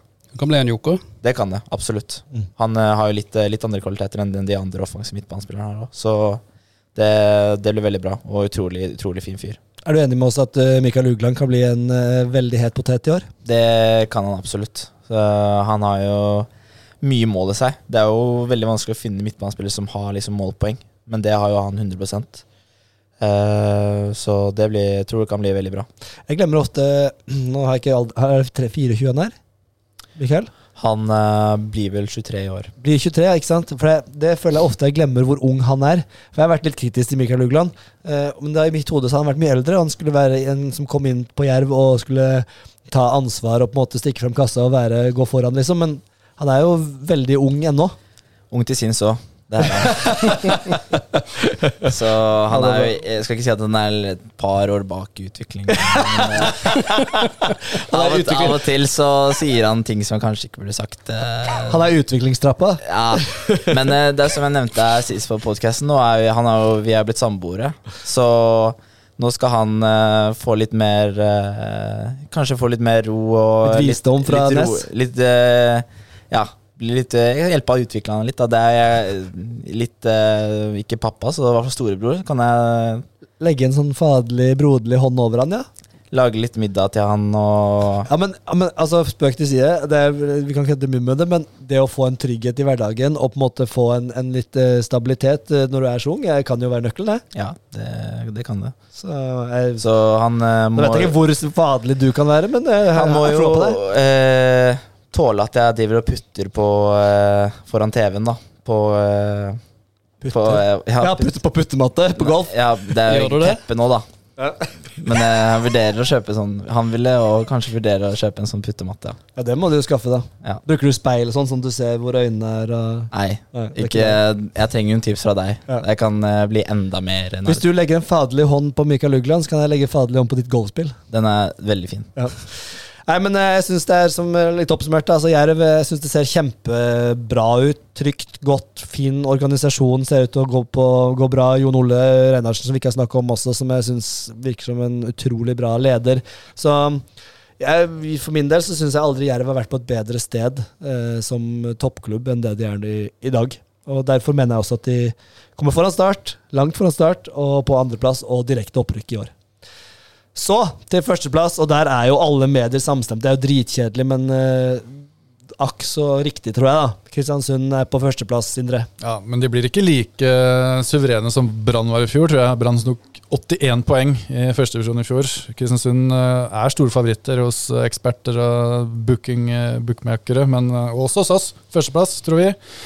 De har også noen usikkerhetsmomenter rundt seg, bl.a. økonomien. Rød sone. eh, Det ble jo et dundrende underskudd i fjor. Um, Ja, De er litt der Jerv har vært før, ja, jeg kanskje. Ja. Eh, men så, er jo stallen altså Det de rykka ned med i fjor, var nesten egentlig sånn flaskelen for godt til å rykke ned, men de fikk jo ødelagt Det De starta forferdelig, da. masse, masse, En forferdelig start. Masse skader Mm. på nøkkelspillere. Så jeg sitter litt med inntrykk av at det kunne vært eh, de kunne heva seg i, i Eliteserien i år med det mannskapet her, altså. Altså Hvis det blir Kristiansund på topp her nå, og Jerv på andreplass, da er det jo mitt eh, Jeg er født i Kristiansund, alle har halv slekt i Kristiansund. eh, og, og Var det for et sted å bli født? det er et nydelig sted å, se, sted å bli født. Norges vakreste by. et Det det Norges vakreste by. Altså, det kan jeg bare Det er det motsatte av snikskryt. Det er det. For en by. Uh, og uh, Ugland der, eh, god supportergjeng. Og, Fin stadion. Det er sånn britisk uh, Nydelig stadion. Stadion er klasse. ja, den er klasse innboksa der med ikke så mange rader, men nei, den er nydelig. Men de har også kontinuitet på trenersida. Christian Mikkelsen. eh, og de hadde jo også lenge en kjempestatistikk med at de hadde 15 sesonger på rad med progresjon i tabellplassering. Altså fra tredjedivisjon opp til Eliteserien. Altså ble bedre og bedre for hvert år i 15 år på rad. Det er helt vilt, Det det. er helt vilt. Helt til ja, de fikk en, gikk fra en femte til sjetteplass i Eliteserien. Eh, og så ble det da nedrykk etter hvert. Eh, men det er jo en masse gode spillere her òg, som skal klare å brase ned med å rykke opp. Sander Kartum er bra. Sean, ja. McDermott, i mål. Dan Petter Ulvestad. Brynjolf Wilhelmsson. Veldig spennende. God. Nei, Det er jo et lag som Klink skal gå opp, tror du ikke det, Thomas? Nå begynner jeg å snakke om det, er Klink. Ja, de, eh, de tror jeg rykker opp, ja. Det Mm. tror jeg. Mm. Har jo også Jesper Isaksen, med, som har vært, var skada litt på høsten i fjor. Han kan jo bli veldig bra i Obos. Mm. Eh, med kallenavnet Paven. Og Den historien skal jeg ikke ta, men eh, Paven. ja.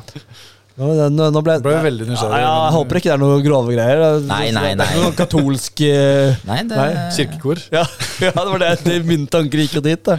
På altergutter og sånn, men Nei da. Det, det, det Han har vel uh, u- eh, i en eller annen setting sagt at han er uh, i paven av Kristiansund, da. Å ja, ja, men det skal han få lov til. Ja, ja. Det, det, er, eh, selv om Ole Gunnar Solskjær vel som eh, nybygg Ute i havgapet der. Ut i havgapet. Oi, oi, oi, for så et hus. flott ut. Men det er jo, altså, det er jo de sliter med økonomien. Det må på særlig at hvis de eh, blir nødt til De kan bli nødt til å selge spillere, og da kan jo førsteplassen også ryke. Um, men både lokalt næringsliv og snille onkler og sånn har jo engasjert publikum har sagt de vil stille opp og møte opp og bidra med, med støtte. Så det er jo De har jo litt sånn grunnfjell. De har solgt noe Grunnfjell. vanvittig med sesongkort allerede. yes, Jeg trodde jeg, trodde jeg snakka med Rune Edøy, som er sportssjef i Tidens Krav. Og jeg husker ikke tallet, men den, det, her var for en halvannen måned siden. Du husker vi snakka om det, Thomas? Og han sa det også. Altså, det var så vilt med sesongkort. ja, enormt. Mm. Så jo også på at de har solgt uh, over 2500 nå til kampen, eh, første seriekamp. Ja, helt vilt. Allerede nå. Så de har jo Det var jo eh, Jeg fikk jo gleden av å varme opp eh, 90 minutter mot Kristiansund, da. Borte. Et Uh, finere sted kan du ikke varme opp, Thomas. Ja, det, det er noe Men altså, da var det jo Ikke sant, de, Den kampen der de faktisk eh, kriga for å holde Altså kunne nå playoff. Stemmer det. Uh, og da var det jo fullt der. Uh, ikke sant, Og du nevnte den stadion nå, så det er en ganske kul opplevelse på den stadion der. Ja, For lyden blir ganske god der inne, Veldig. så det er god stemning. Men du, jeg glemte å spørre deg, Thomas eh, Jerv, hvor har du de på tabellen? Jeg er førsteplass. Deilig. Da har du Kristiansund på andre. Du, had- du hadde vel ikke lov til å tippe noe? Jo, du kunne tippe en annen, men, eh, men Hadde, hadde det vært bot hvis du hadde satt Jerv penger der? Nei, det tror jeg Jeg tror ikke den hadde blitt bot, nei. Men uh, man vet jo aldri med Iman som botsjef. Han uh, finner jo på etter uh, noen varianter. Til, men eh, Iallfall blitt straff på trening. Ja, det hadde nok eh, i hvert fall blitt noen meldinger, kanskje. Men eh, det mener jeg oppriktig. Ja. Så Nei, men vi, vi, vi Altså, førsteplass kan det også bli. Det var en veldig spesiell situasjon da, siste serierunde i fjor. I sluttminuttene der. Da Sandefjord skårer to mål. Og da virka egentlig Christian Mikkelsen litt sånn paralysert. Hva, hva skal vi egentlig gjøre nå? Eh, sånn, skjønte ikke, Gikk ikke helt opp for det. Oi, vi rykka faktisk ned nå, ja. det var faktisk en sinnssykt rar stemning på stadion. Eh, akkurat i det han dommeren blåste av, fordi ingen skjønte hvorfor han blåste, eller hva som blåste av heller. Så det ble bare helt stille. Og som du sier, jeg tror eh, Mikkelsen og de gutta på benken der ble helt sånn Hva skjedde nå, liksom? For de, trodde jo at de klarte å komme forbi Sandefjord. Men uh, det, var, det var en veldig rar stemning, faktisk. Ja, For der skårte jo Sandefjord to på tampen der, Ja. og ja, det var helt ellevilt, det. Og dommeren eh, fant ut at han skulle blåse halvannet minutt før overtiden, og det var bare rør. da. Det er helt vilt. Nei, det var, eh, det var en vill avslutning på, på denne sesongen. Uh, da er vi i mål, faktisk. Og vi har bare brukt 1 time 47 Allerede? minutter og 30 sekunder. Skal vi ta bare en oppsummering og bare lese opp uh, tabelltips uh, til Agderposten? Skal, skal du ha patos-musikk Nei, det trenger vi ikke da, men da, du, du kan jo ta den, du, da. Ja. Uh, det her er da Agderpostens forslag for 2023. Eh, så nært fasit man kan komme, vil jeg tro. Moss og Raufoss de kommer på henholdsvis 16. og 15. plass, rykker rett ned. Hødd kvalik. Deretter følger Åsane, Bryne og Skeid. Og de seks klubbene er vi ganske enige om at eh, ender på de, på de seks siste. Så er det Ranheim på tiende, Mjøndalen på niende, Sandnes Ulf på åttende. Ikke Start, som jeg har tippa, men ok. KFUM Oslo på sjuende. Kongsvinger på sjette, Fredrikstad på femte, Sogndal på fjerde, Start på tredje, Jerv på andre og serievinner blir Kristiansund. Der er en nydelig tabell, og jeg vil anse sjansen for 30-40-50 sjanse for at vi får alle rett.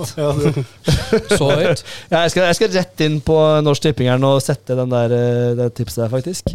Hva sier du, Thomas? Eh, Har du tro på tipset vårt? Det var ikke så langt unna det du holdt Nei, på med. altså, jeg synes jo det var mye Altså, vi hadde jo veldig mye likt, da, i Mm. forhold til den, eh, den, det tipset dere hadde. Mm.